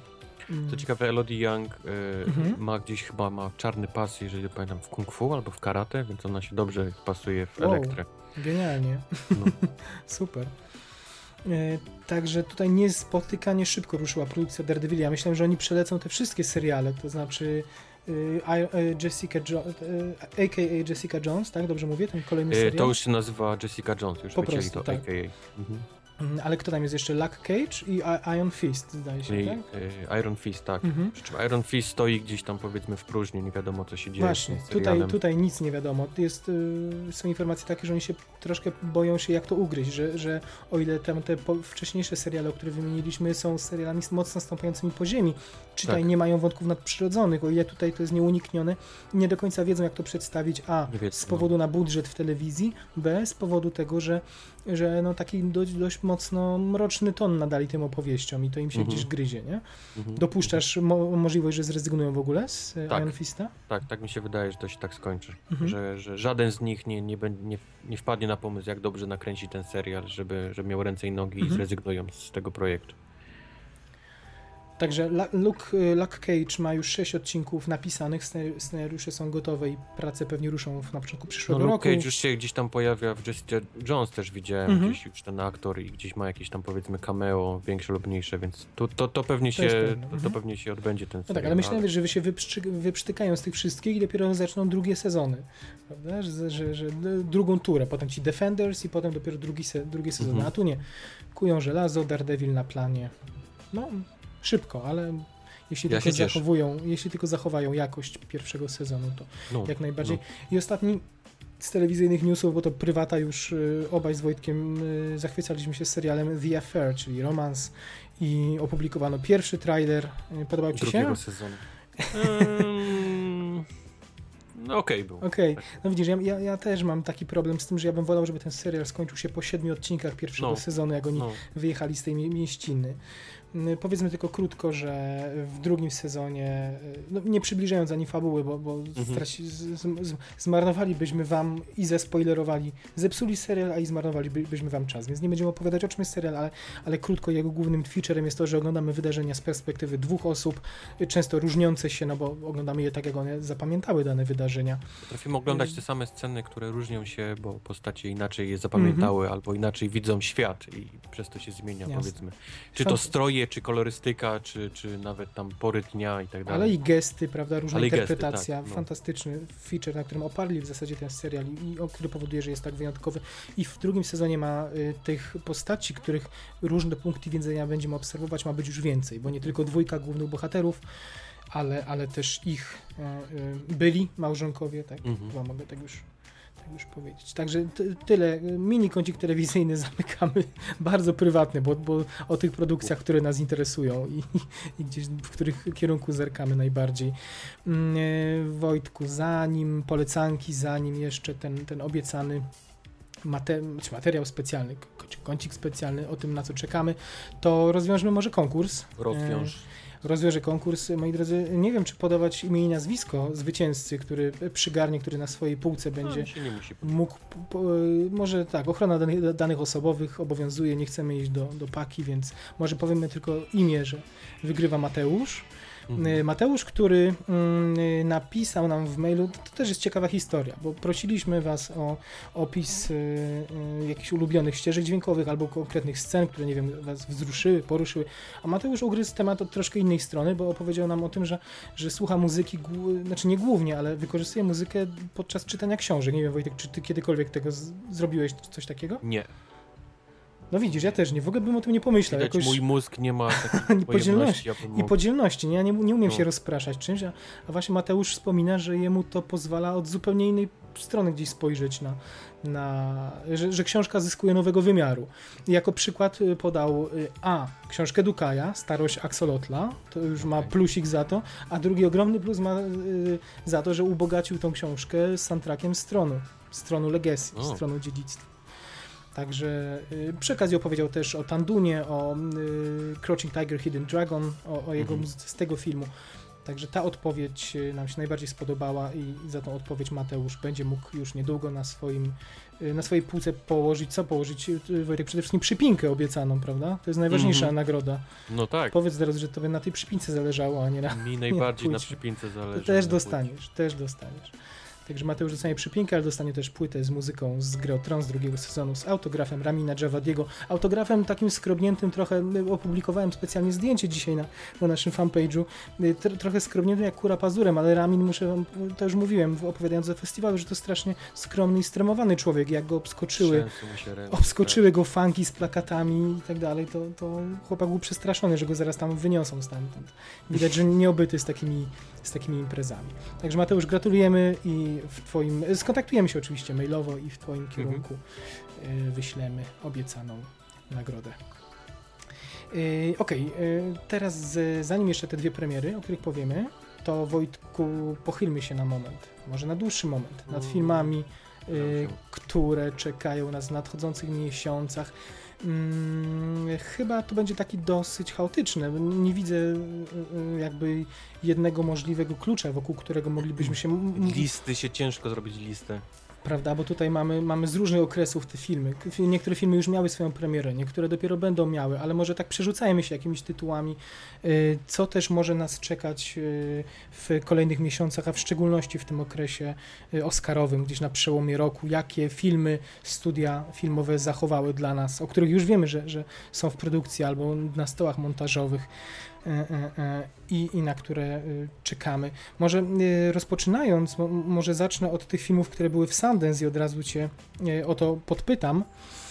W, na, na, już na początku roku w, na festiwalu, bo zostały pokazane. I powiedz mi, czy, czy dotarł już do Was taki film, czy, czy był, znaczy dotarł, czy był w dystrybucji taki film jak Me and, y, Me and Earl and the Dying Girl? Dying jest, obecnie leci w kinach. Jest w kinach, tak? Czy byłeś Mhm. na tym, czy widziałeś to? Yy, ma, chcę na to iść właśnie, w przyszłym tygodniu idę. Matka jedyna, bo to jest zwycięzca w ogóle Sundance. No, ja właśnie też to przeczytałem i od razu zacząłem sprawdzić. Myślę, Jezus, to teraz leci i kupiłem bilet następny. Tam, tam już wiem, że reżyser tego, tego filmu y, y, no jest, już dostał jakiś duży projekt, Mhm. także to jest błyskawiczna kariera, trochę w stylu Whiplasha. I co to ma być? To ma być y, troszkę coś takiego jak Gwiazd naszych wina, prawda? Tak, To jest tak, tak. hi- hi- historia przyjaźni chłopaka z dziewczyną chorą na raka, a ten chłopak jest miłośnikiem kina, jest fanem Mhm. kina i to brzmi świetnie, znaczy pewnie jakaś będzie podróż właśnie przez narracja może być gdzieś osadzona na, no nie wiem, czy na opowieściach o, o filmach, które oglądają, czy, czy nie, nie mam pojęcia, nie czytałem, nie, nie widziałem zwiastunu, widziałem tylko ten opis, chyba nie chcę go oglądać w ogóle. Ja właśnie też Chciałbym to się do- przeczytałem opis, przeczytałem opinię ludzi, którzy powiedzieli, że jeżeli możesz coś zrobić w tym miesiącu jednego, Mhm. to idź właśnie na, na, na ten film. Tak, ale jest dobra, podobno znakomity, dowcipny i gdzieś staje w opozycji do Gwiazd, Gwiazd Naszych Wina, który był, no co by nie mówić, to, był- to był film dobry, ale, ale bardzo taki mainstreamowy, skrojony pod masowego odbiorcę, a tutaj, Tak. mamy, Od łzy. tutaj mamy coś chyba odrobinę przeciwnego. Także póki jeszcze jest, Wojtek, biegnij do kin, żeby nam zdać relację. Idę, idę, mam I, bilety kupione. I koniecznie, i co? I, I to się, to brzmi jak film, który może gdzieś tam się liczyć, prawda? W, Oj, tak. W wyścigu. Z takich sentensowych rzeczy jeszcze Brooklyn, nie wiem, czy, czy masz to na swojej liście, Donald Gleason z Suarez Ronan, tutaj w głównych rolach. y, i ma opowiadać historię, która dzieje się w latach 50. w Irlandii, w Nowym Jorku, pary y, i kobiety, która musi, musi wybrać między dwoma mężczyznami i właśnie dwoma krajami, między Irlandią i Nowym, Nowym Jorkiem. Takie coś to jest, to jest też od studia Fox Searchlight, bo to Fox Searchlight kupiło prawa do, do tego filmu Sundance'owego, Mhm, do Brooklyn mhm. także. Mm, e, Kolejny film taki Sundance'owy, The End of the Tour w reżyserii Jamesa Ponsnolda, to jest gość od Spectacular Now na przykład. On ostatnio był Mhm. w HBO u nas w Polsce pokazywany ten film. Y, Smashed również, to, to jest taki w sumie weteran Sundance, ten reżyser. I tutaj ma sk- y, y, gwiazdy już y, takie mainstreamowe dosyć, Jasona Segela i Jasona Eisenberga. Y, To, to, tutaj y, opis też, y, nie będę się mądrzył, tylko przeczytam. Opis jest, wypada bardzo interesująco. To jest, to jest historia dwóch pisarzy, Davida Fostera Wallace'a, Mhm. znaczy pi- pisarza i dziennikarza, Davida Lipskiego, to jest dziennikarz Rolling Stone. Rolling Stones, tak. i, I co? I oni wyruszyli na pięciodniową wyprawę, w, której, w trak- trakcie której miał powstać wywiad, yy, Mhm. ale nigdy ten wywiad nie został opublikowany. Wszystkie materiały z tego wywiadu są, są do dziś w sejfie dziennikarza Lipskiego. Yy, ci panowie po tej wyprawie nigdy się nie spotkali. Yy, Natomiast yy, sam scenariusz powstał tylko i wyłącznie na podstawie wspomnień dziennikarza, które opublikował po yy, samobójczej śmierci pisarza, z którym właśnie Mhm. podczas tej wyprawy rozmawiał. Premiera ma być teraz, yy, ma być w lipcu, Tak. Także, także mam nadzieję, że też się wybierzesz, też ty zdasz nam relację. Nie brzmi jak coś, co miałoby być w polskich kinach, brzmi jak coś niesłychanie interesującego. Jest, jest plan pójścia na to jak najbardziej. Także to jest kolejny. I True Story jeszcze. Tego z kolei zwiastun już mogliśmy zobaczyć y, parę miesięcy temu, w sumie w momencie premiery chyba w Sundance. True Story to jest film Ruperta Goulda z y, Jamesem Franco i z Jonathan Hillem. Nie wiem, czy Mhm. widziałeś trailer tego filmu. Widziałem, widziałem. Y, Pamiętasz, o czym to jest film? Eee, Sądowe coś, prawda? proszę? Coś sądowego, takie dramat sądowy jakiś. Tak, chyba. tak, tak, ale kurczę, teraz już nie pamiętam co to było. Y, jakiś morderca FBI w każdym razie i jakaś jego relacja z dziennikarzem. Johna Hill gra właśnie dziennikarza. Y, I, i, i, I takie coś. Zobaczcie zwiastun, True Story. To też wygląda na coś. I Johna Hill, bardzo życzymy mu Oscara, bo już tam Mhm. jakieś nominacje mu się przecież y, y, przytrafiały i niestety, chyba już dwie, prawda? Za, za Moneyball i za Wilka z Wall Street, jeśli dobrze pamiętam. Ja nie wiem, czy, czy przy Jamesie Franco, czy on jest w stanie. A. Chociaż może. Y, Wojtek, y, co dalej? Ma, masz tam coś na swojej liście takiego, o czym chciałbyś wspomnieć? Yy, ja od razu się wystrzelam z dwóch takich Mhm. dużych filmów, znaczy Dawaj. dużych, no Gwiezdne Wojny to muszę raz Mhm, wiesz, bo wiadomo. Yy, muszę też od razu się mm, powiedzieć o Night of the Cubs, Mhm. czyli mój ukochany Terence Malik. Po Yy, którym słuch zaginął. Kurczę, gdzie jest ten film, nie? Pokazano go w sumie parę miesięcy temu na festiwalu, chyba, mhm. chyba w, w Berlinie miał premierę i nie ma, cisza, nie ma, ma datę premiery w Stanach? Wydaje nie mi ma. się- wydaje mi się, że nie ma, prawda? Nie ma, nie ma. W dalszym ciągu nie ma, no. Może zmieniają coś, bo tam, tam nie wszystkie opinie były, powiedzmy, Mhm. pozytywne. Nie wiadomo, Może czy, czy przemontowują go jeszcze jakoś, czy, czy nie ma pojęcia, nie no, Ma, Malik by się na to nie zgodził. Nie, on by się nie zgodził No. na to. Nie zgodziłby się. No. Ojejku. Też muszę wspomnieć o Lobsterze, o którym wspomnieliśmy Mhm. w tym filmie. To, to brzmi bardzo ciekawie. Yy, To jest jakiś... Colin- No, no, powiedz, powiedz. To jest historia, która opowiada o tym, jakaś przyszłość, powiedzmy, niedaleka przyszłość, gdzie ludzie, jeżeli są samotni, to w ciągu 45 dni muszą znaleźć sobie partnera. Jeżeli im się to nie uda, to są zamieniani w zwierzęta. Więc jakiś totalny, totalny kosmos. To już mi się strasznie podoba.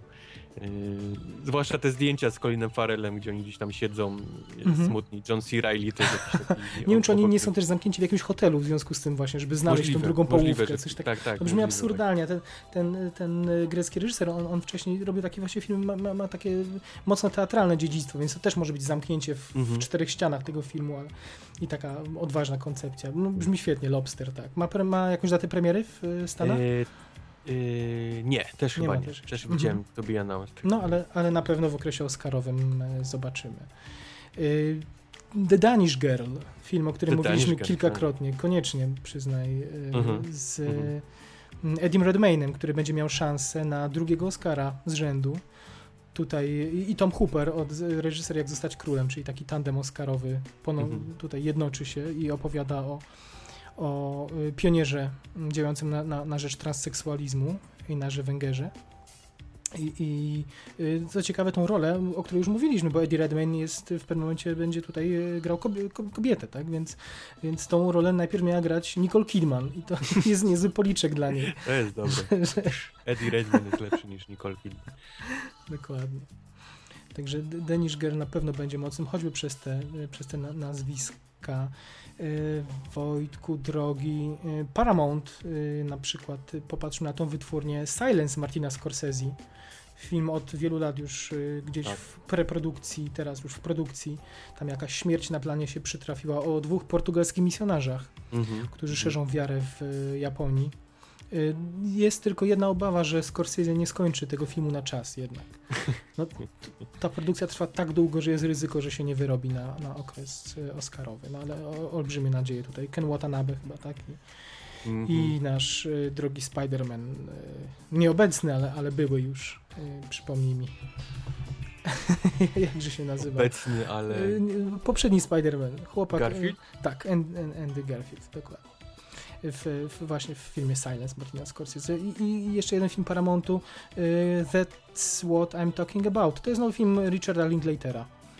Oczywiście już nie kręcony przez 12 lat jak Boyhood, ale. Linklater jest na, na, na fali, więc możemy Myślałem, że on ma oczekiwać. kilka projektów, które zaczął w 80 którymś. Ja, ja nie wiem, czy to jest do końca ten projekt, ale, ale on miał coś o, o scenie punkowej robić. Nie wiem, czy to nie Mhm. jest ten, ten projekt. Może, może. Także tu na pewno ze strony Paramountu takie filmy możemy y, wyróżnić. Co tam ty masz z kolei jeszcze? Yy, mam tu zapisane The Revenant, czyli kolejny Mhm. film Alejandro Gonzaleza Iñárritu Jak najbardziej. yy, z Leonardo DiCaprio, Tomem Hardym.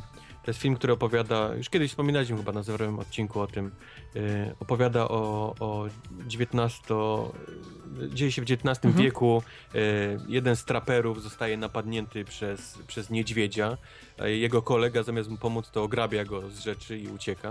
Ten przeżywa ten, ten wypadek i postanawia się zemścić. Także Na- na Tutaj koledze. G- Gonzales Iñárritu ma ogromną szansę na drugiego Oscara z rzędu Mhm. za reżyserię. DiCaprio ma kolejną szansę na Oscara. Na nie dostanie Oscara. Nie dostanie. Jeszcze ciekawie jest, bo, bo zdjęcia oczywiście robi Emanuel Lubecki od, od Birdmana Mhm. i ten gość z kolei No tak, ma, już, ma już dwa Oscary za Grawitację i za Birdmana i tutaj mógłby, jest duża, duża szansa na trzeci Oscar, bo póki co na razie chyba nie przypominam sobie takiego filmu w tym roku. Znaczy jasne, że mamy na razie tą gorszą pierwszą połowę, ale filmu, który by nas zachwycił zdjęciami jednoznacznie. Może Terence Malik właśnie zachwyci w Knight of Mhm. Cups, ale, ale tutaj szykuje się nam uczta, bo przypomnijmy, tutaj zdjęcia powstają tylko przy naturalnym świetle, w naturalnych, Tak. gdzieś w naturalnych skansenach, w, w budynkach z tego, czy w lepiankach z tego XIX wieku.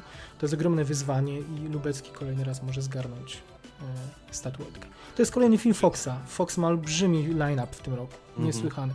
To może kolejny film Foxa, jeśli już jesteśmy, Joy. Joy Mhm. Davida Orasela. Na pewno też Tak. miałeś na swojej liście. Mam na liście. Ze, z jego ukochaną Jennifer Lawrence, jego muzą i z Bradley Cooperem, no i z kolejnym Bradley jego, Cooperem. jego muzem, kolejnym, Ale teraz dali między nich Roberta De Niro, żeby było, żeby było ciekawe. który też był z nimi w poradniku pozytywnego myślenia. Tak, tak, Y, I to jest historia kobiety, która wynalazła mopa do podłóg. Brzmi Mopa. absurdalnie, ale Mopa i kilku innych rzeczy. Ona Mhm. stała się milionerką poprzez wynalezienie tych, tych przedmiotów, takich sprzedawanych głównie w tych telewizjach, które sprzedają rzeczy gdzieś tam Aha. po nocach. Ale byłby numer, nie? Jakby Orasel zgarnął Oscar za ten film, prawda? Zrobił Mm. filmy dużo cięższe gatunkowo, a, a tutaj wygląda to dosyć, dosyć śmiesznie. I, i, i, yy, ale co, no, człowiek, człowiek złoto. Człowiek No. złoto, który yy, jego ostatnie filmy, czyli, czyli właśnie American Hustle, czyli Poradnik Pozytywnego Myślenia, czyli Fighter, zdobyły 22 nominacje i tylko trzy Oscary.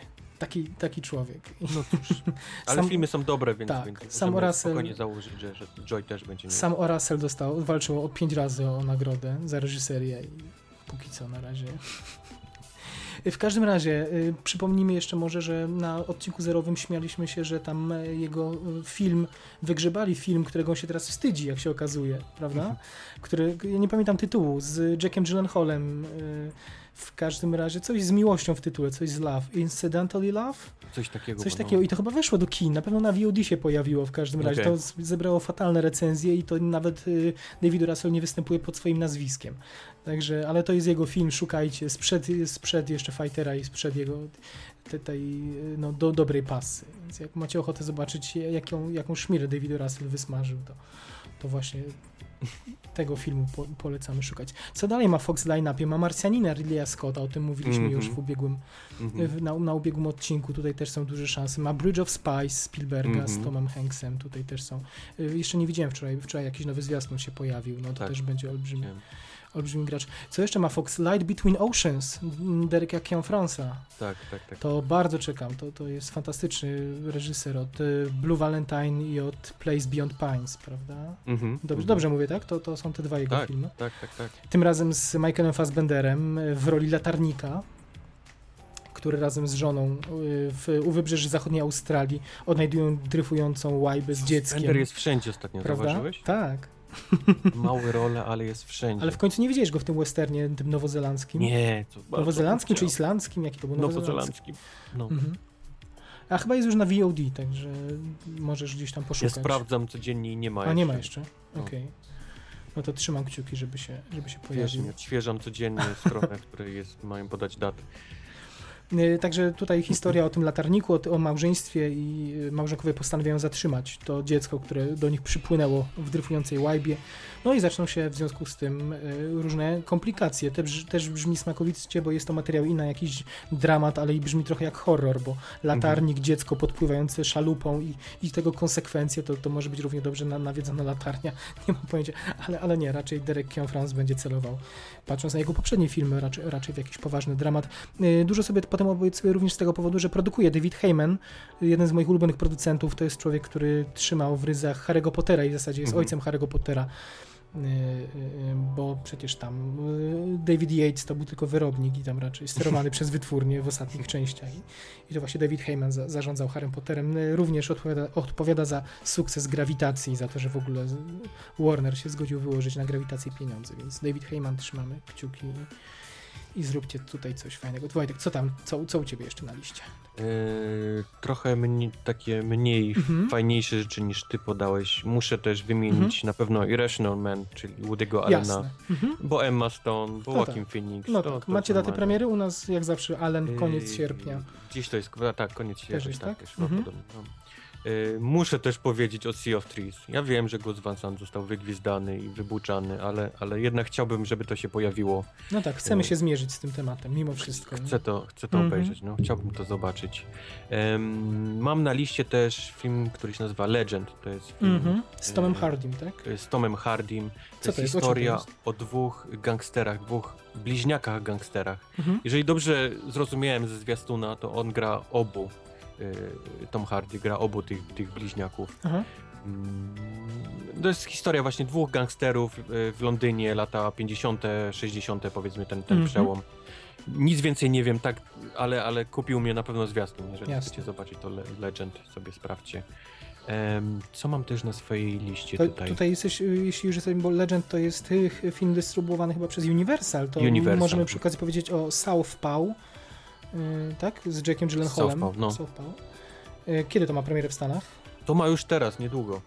To jest dosłownie za chyba dwa tygodnie u mnie O, leci. u nas 11, 11 września. No ludzie sobie ostrzą zęby na ten film, tak jak jakiś dramat o... o- Czytałem, jak był wysoko na mojej liście, to po pierwszych recenzjach trochę opadł z tego, co No czytałem. ta data premiery w środku roku gdzieś już każe powątpiewać, prawda? No, gdy, gdyby łączyli z nim jednoznaczne nadzieje, to przesunęliby go na jesień Mhm. zaawansowaną. Rachel McAdams na drugim planie i Mhm. James Horner, ostatnia jego płyta y, y, z muzyką, jaka, jaka... Co ciekawe, ciekawa informacja w tym filmie, Mhm. zanim Jake y, Gyllenhaal dostał tą rolę, to miał tam grać Eminem. tą główną postać. Naprawdę? Tak, tak, tylko Eminem zrezygnował. Oh my. Bo to jest film, który tak naprawdę opowiada jakby, jakby historię tą ósmej mili tego filmu o Eminemie, Okej. tylko z perspektywy, że życie jest jak walka bokserska. On to Okej, widzi tak, okej. tak reżyser i chciał, Mhm. żeby Eminem również zagrał w tym, tylko Eminem się gdzieś tam... To chyba Antoni, Antony Fuqua reżyseruje. jeśli Fuqua. dobrze Mhm. Pamiętam. Eminem jest na soundtracku na pewno. Yep. Y, Skomponował też całą płytę z piosenkami, na której umieścił też muzykę Hornera, co ciekawe. Także to bardzo, bardzo miły gest. y, Tak. Y, To króciutko, jeśli jesteśmy przy Universalu, możemy też powiedzieć y, y, na pewno By the Sea, to jest Angelina Jolie, jej kolejny film, kolejny O. film reżyserowany przez Angelinę Jolie z Bradem Pittem tym razem, o problemach małżeńskim. Mhm. Nomen omen mówi się, że mają się rozwieść tuż po premierze tego filmu. Angelina Jolie, Brad Pitt, tak mówią plotkarskie magazyny, że, czy, że Angelina Jolie tylko poprosiła Brada Pitta, żeby zaczekał jakby, no żeby nie zepsuć promocji tego filmu. I, i, Będziemy mogli w końcu do Angeliny uderzyć. no, wziąłbyś na klatę tyle dzieci? Ale ja myślę, że one z bratem pójdą. A, okej, dobra. Okej, okej. Wojtek, y, krótko jeszcze przy Uniwersalu Everest na pewno Bartazara Kormakura, o którym mówiliśmy w kontekście Tego nie mam na liście. Tego nie jestem fanem tego typu filmów, takich właśnie jest lawina i No tak, ale pie piękna, piękna obsada, więc choćby dlatego tak, czekamy. I film otwiera festiwal w Wenecji, to też już coś mówi, że to może być coś ważnego. Okej. No, Wenecja, Wenecja, no, renomowany festiwal, raczej szmir na otwarcie nie przyjmują, tak jak Cannes, he, he. Y, Co tam jeszcze mamy z Uniwersala? Coenów na pewno, Hail Caesar, to jest w gwiazdorskiej, gwiazdorskiej Ale obsadzie. to chyba nie w tym roku, z tego co... Myślisz, że się nie wyrobią na ten rok? To Nie, George widziałem- Clooney. Już czytałem, że oni już są przesunięci, no chyba na luty czy jakoś, jakoś tak. W każdym razie George Clooney to jest historia o amerykańskim przemyśle filmowym, Mhm. rozrywkowym, lata 50. Mhm. Cudny, te, cudny temat. Y, I z Universala jeszcze na koniec Steve Jobs. Myślisz, że, to- myślisz, że to będzie Oscarowa rzecz? Nie, nie. Nie, raczej nie. Nie. Jak ci się podobał? Chciałem właśnie przy tej okazji cię spytać, bo, bo Universal opublikował finalny zwiastun. Yy, podobał mi się, ale, ale mam wrażenie, że, że jest zmęczenie trochę materiałem, mimo Mhm. tego, że, że jest to niby drugi film tak naprawdę, ale tak była tak mała, krótka przerwa między jednym a drugim, że... Widzimy tam, co, zbrzydzoną, z, zbrzydzoną Kate Winslet na pewno. Tak. Za- Zarośniętego Seta Rogena w roli y, Steve'a Woźniaka. No, No, no, no, tam w tym trailerze jest taka scena, w której e, Woźniak mówi, do, chyba tam się zaczyna zwiastun, Woźniak mówi do, do Jobsa, że, że e, mówi, nie, e, mówi, to ja skonstruowałem płytkę, w, w sensie układ scalony, system ukradliśmy, czy został ukradziony, jakby pomysł na system operacyjny, E, ty, mówi do Jobsa, ty nie potrafisz wbić gwoździa, e, nie jesteś ani inżynierem, ani projektantem, a 10 razy dziennie słyszę, że jesteś geniuszem. Jak to jest, nie? I Jobs, No. mu, Jobs mu na to odpowiada, że każda orkiestra potrzebuje dyrygenta, ja jestem dyrygentem. I zaczyna się muzyka klasyczna i on w pozie dyrygenta na scenie. Bardzo to jest fajnie sklejone. Natomiast Woźniak się ustosunkował, tam ktoś go za chyba Variety, Variety, Variety czy Hollywood Reporter zapytali Mhm. Woźniaka, no jak mu się trailer podoba. On mówi, że jest y, dużo ducha Jobsa w tym zwiastunie, ale mówi, ustosunkował się do tych konkretnych słów, które cytuję. Powiedział, że nigdy nie powiedziałbym, że ukradliśmy system operacyjny. No, okej. Czyli w domyśle cała reszta jest prawdą, tak, tak No to tak. trochę za, zaakcentował. No widać tam Sorkina na pewno, widać ten, ten ping-pong w dialogach, yy, w zasadzie wypluwane z prędkością karabina maszynowego te Mhm. dialogi, charakterystyczne dla Arona Sorkina. Czyli ty obstawiasz e, Oscarowe gdzieś tam. Nie wiem, ten... Nominacje. Właśnie nie wiem, łamie się, będzie na pewno dobra zabawa, ale Fassbender, ale jak ci się podoba jako Jobs, nie Jobs, bo, bo widać, że skoro nie, mo- nie możemy mieć aktora podobnego do Jobsa, to idziemy w zupełnie drugą stronę, nie upodobniamy Nie go wiem, w ja- ogóle. Ja, nie? ja się łapię na tym, że jak widzę go, to cały czas szukam Fassbendera w ten, Mhm. Gdzieś tam, wiesz, elementów Fassbendera, zamiast szukać elementów Jobsa, Okej. to gdzieś tam szukam Fassbendera Mhm. w, tej, w tej jego charakteryzacji. Jasne. Mm, Ja mówię, ja mam dużą obawę tylko przez Daniego Boyla. Bo Okej. ten ostatni trans był bardzo takim przezroczystym filmem. Y, Slamdog, bardzo lubię Slamdog, ale to też jest inny ciężar gatunkowy. On, on dawno nie zrobił czegoś takiego mocnego, ważnego, bym powiedział. i- Mhm. No i o ile Fincher by, by mógł z tego zrobić perłę, to boję się, czy on nie zapomniał po prostu, jak się kleci arcydzieła. No, to, to, to tyle. Y, Ale no, wszystko przed, y, przed nami. To był, to był Universal. Co tam jeszcze u ciebie? Ty masz Coś jeszcze? ładnie po, po, poszeregowane po studiach, Ale, tak? ale ostatni niekoniecznie. To, nie, ale latam też, szczerze latam po liście. To pozornie mam. Z jednym. Następnym na liście mam na przykład Icon. Yy, Okej. czyli, czyli historię Lance'a Armstronga. Racja, tak. Mhm. To jest historia irlandzkiego dziennikarza, który yy, jakby powiedzmy zauważa, że jest niemożliwe, aby Lance Mhm. Armstrong wygrywał w ten sposób i twierdzi, że, że oszukuje i pewnie coś zażywa i tak dalej, i tak dalej. I pró- próbuje mu to udowodnić, co wiemy po, po prawdziwym życiu. Może mu się udać w tym filmie. Świetnie, no to tak, to... to... W każdym razie Dustin Hoffman między innymi też się O. wspomniany wcześniej pojawia I chyba tam. Be- Ben Foster w roli... e, Jest Ben Foster w roli, tak, jest, jest Lee. Pace, mój ulubiony ostatnio też. No i widzisz, i to jest materiał, to jest materiał na ważny film, tak, to, to jak No. najbardziej czekam. Chyba bardziej niż na Jobsa, tak. Jest też na mojej liście następnie Demolition, czyli kolejny film Jean-Marca Vallée Mhm. e, z Jake'em Gyllenhaalem. Naomi Watts, e, Chrisem Cooperem. Okej. To jest film, który opowiada historię e, bankiera, który poprzez różne machinacje i tra, traci powiedzmy swoje pieniądze, jego żona zostaje zabita i gdzieś w tym, tym powiedzmy w tym całym dramacie próbu, znajduje jakby szczęście albo, albo w jakiejś matce, która uwielbia palić e, znaczy nie, nie swojej matce, tylko jakiejś Mhm. samotnej matce, znajduje kobietę, która uwie- cały czas pali marihuanę, jest Okej. wiecznie upalona i gdzieś tam w niej znajduje ukojenie y, tego swojego świata. No, po tym, co pokazał w Dallas Buyers Club czy w Wild, ja Mhm. jestem i- jak najbardziej na tak zainteresowany tą historią, bo to może być jakiś taki spory wyciskacz łez. Jean-Marc Vallée potrafi u mnie przynajmniej Mhm. wycisnąć. Tak, ale, tam. ale podkreślmy, nie tani, nie tani, prawda? Tylko Nie, gdzieś nie taki tani. do trzewi człowieka się wgryzający, brudzący nas, tak. To, to świetnie. Widzisz, nie słyszałem w ogóle o tym, to, to, to brzmi, Mm. brzmi świetnie. Kolejny film, który mam, pozwól jeszcze jeden, Mhm. później ty mnie zmienisz. To śmiało. jest film, się nazywa Green Room. Y, Okej. To jest film Jeremiego Salniera, który zrobił Blue Ruin.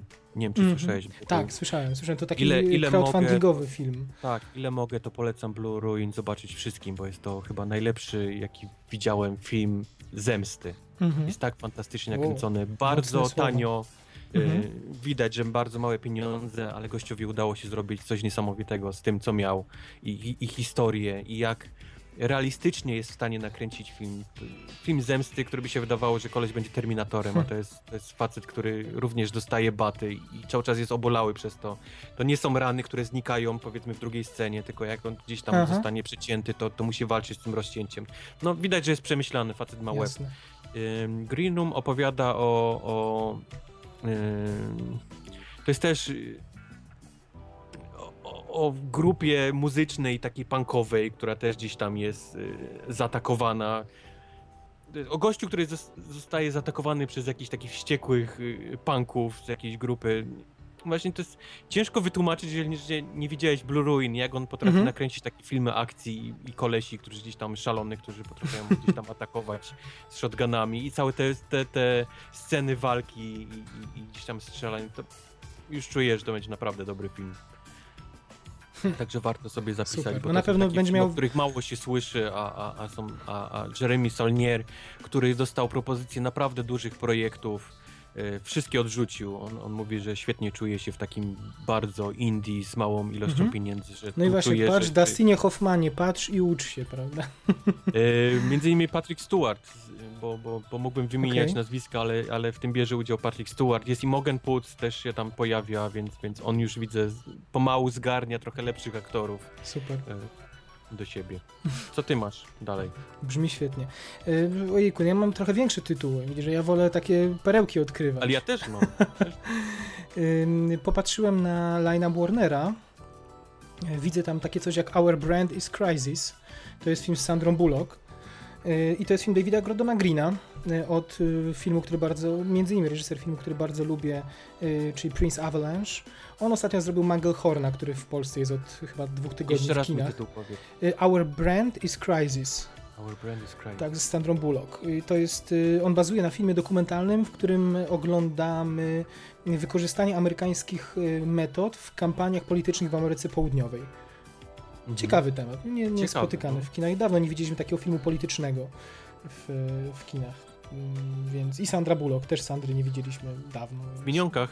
No właśnie, w minionkach, tak. No wcześniej w grawitacji latała po przestrzeni kosmicznej, ale mówię o takim kinie spokojniejszym. Nie?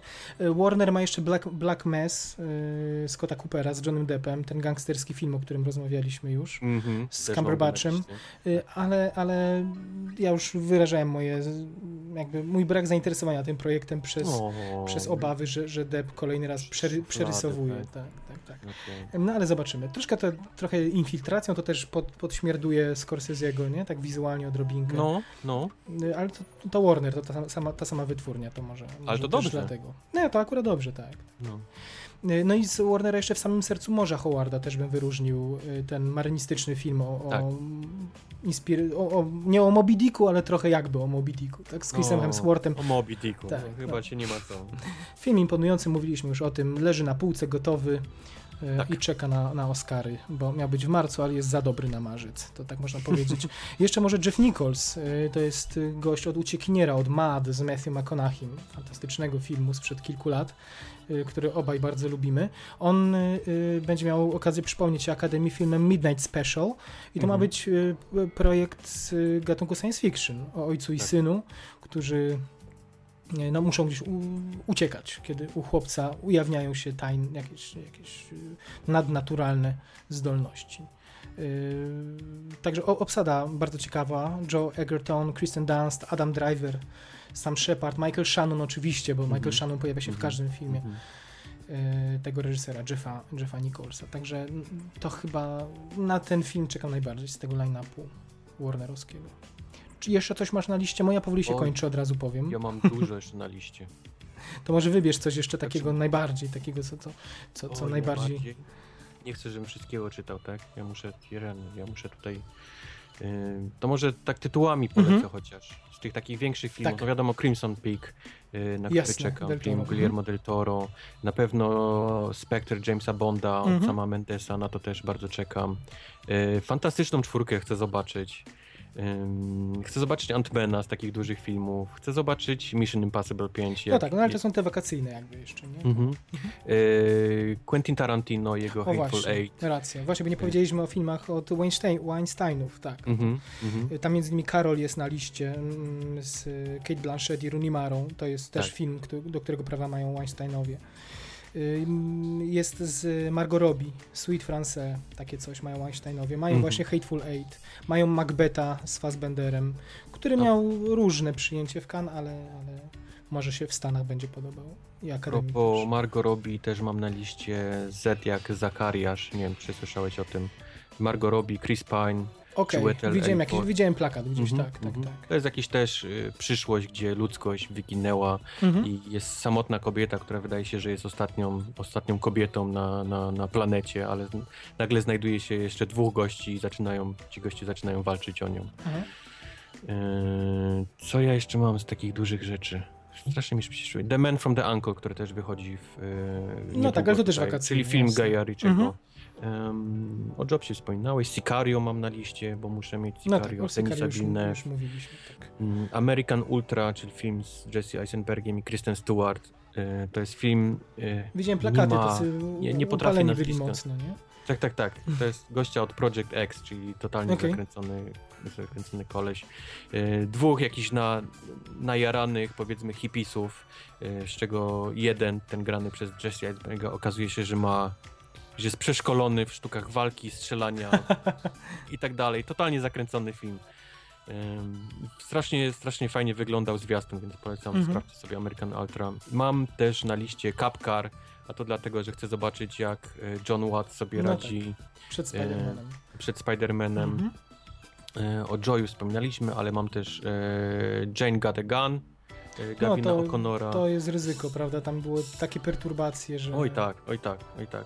No niby, no ale no, Natalie Portman. No, tam Muszę trzy, trzy razy wchodzili na plan, trzy razy się reżyserzy zmieniali.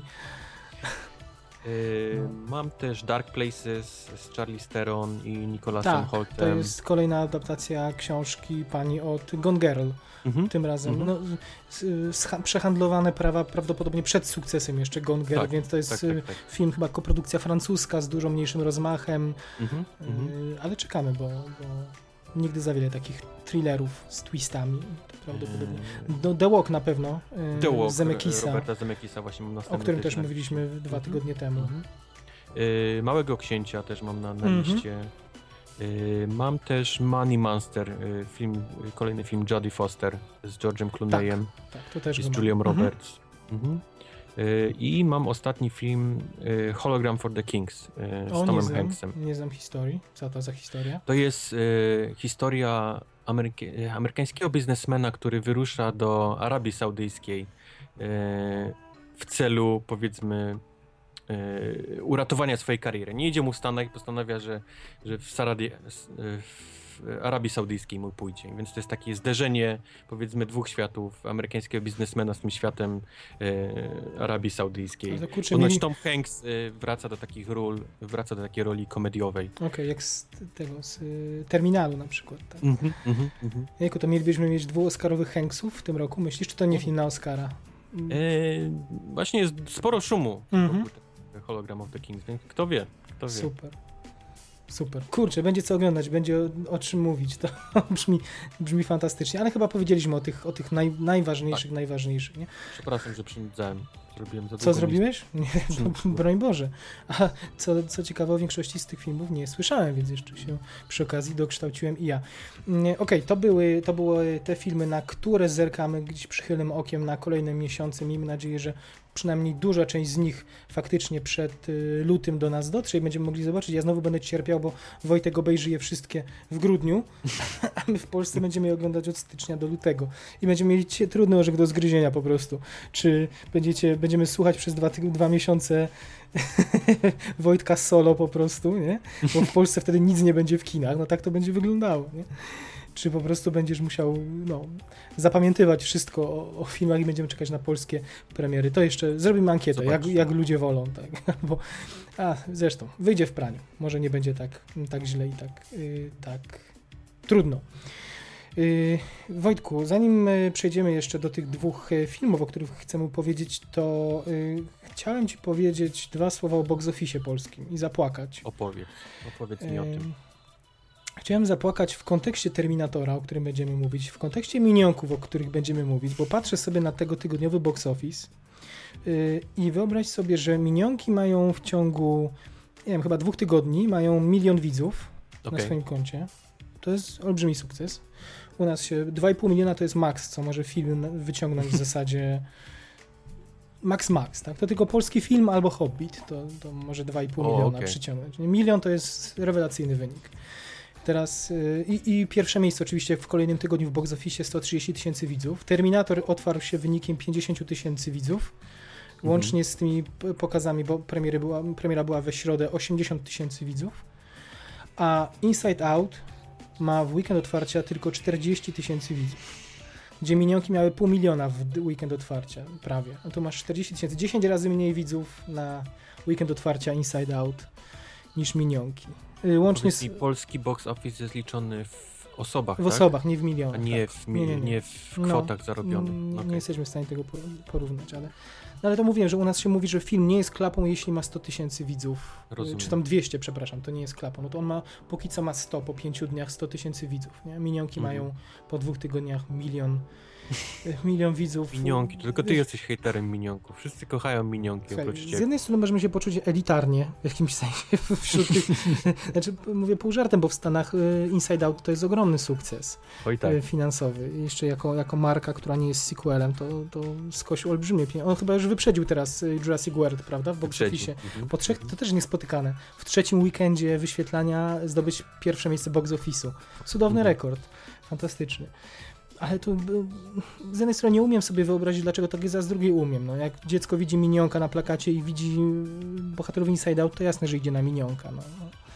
No. Mówiliśmy też już o tym, jaki jest też e, re recepcja, jaki jest odbiór Tak. przez dzieciaki, w głowie się nie mieści. I, Tak, tak, tak. i to się gdzieś z box, z box office'em pokrywa. No szkoda, że rodzice nie byli odważniejsi, mogliby.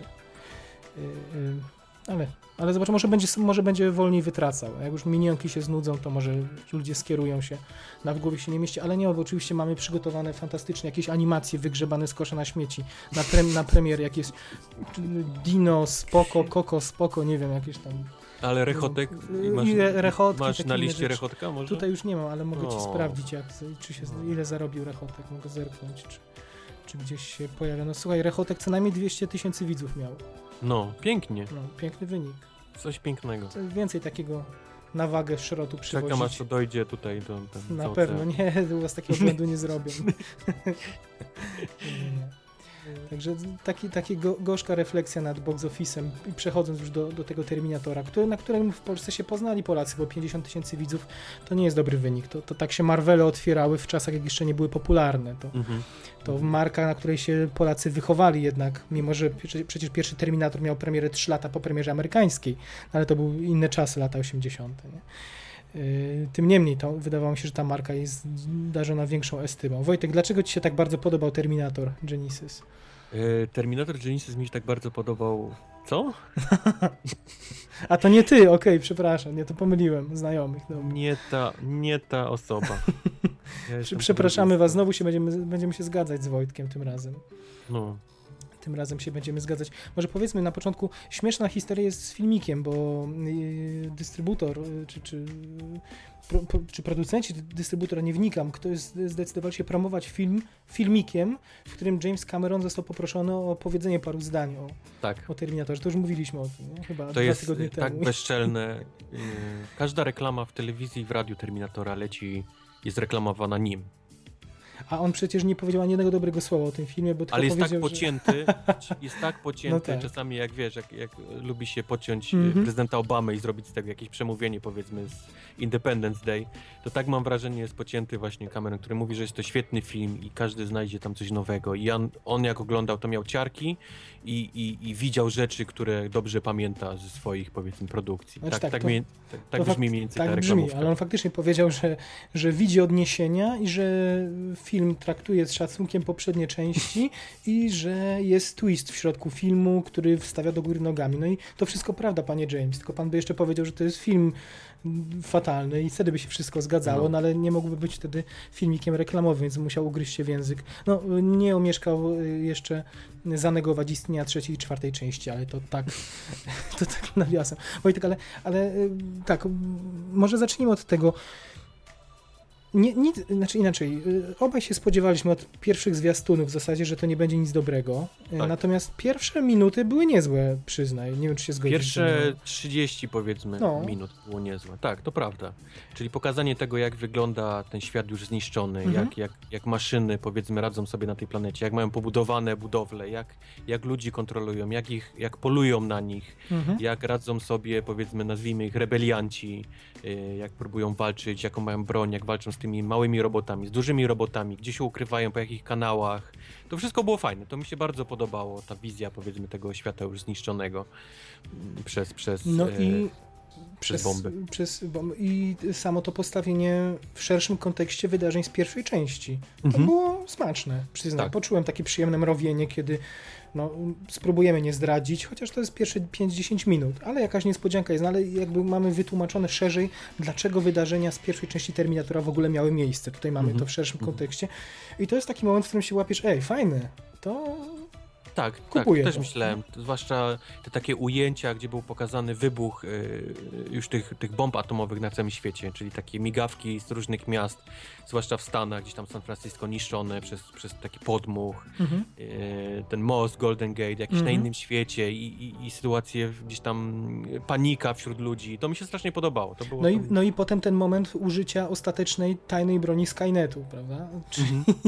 który jest właśnie tym oczywistym nawiązaniem do, może nawiązaniem cytatem do pierwszej części, ale każe stawiać nam w kontekście te wydarzenia, w szerokim kontekście z tej pierwszej części. I co, potem dostajemy jeszcze mocniejszą y, falę nostalgii. To słowo nostalgia będzie się przewijać bardzo często Aha. w naszej rozmowie, mhm. bo mamy w zasadzie jeden do jednego kopię scen z pierwszej, z Terminatora pierwszego, mhm. kiedy Schwarzenegger idzie sobie po te po, po ciuchy do, do tych punków, którzy mm -hmm. to są, to jest nowa scena, to są nowi aktorzy, ale to jest kadr po kadrze w zasadzie odzerowane.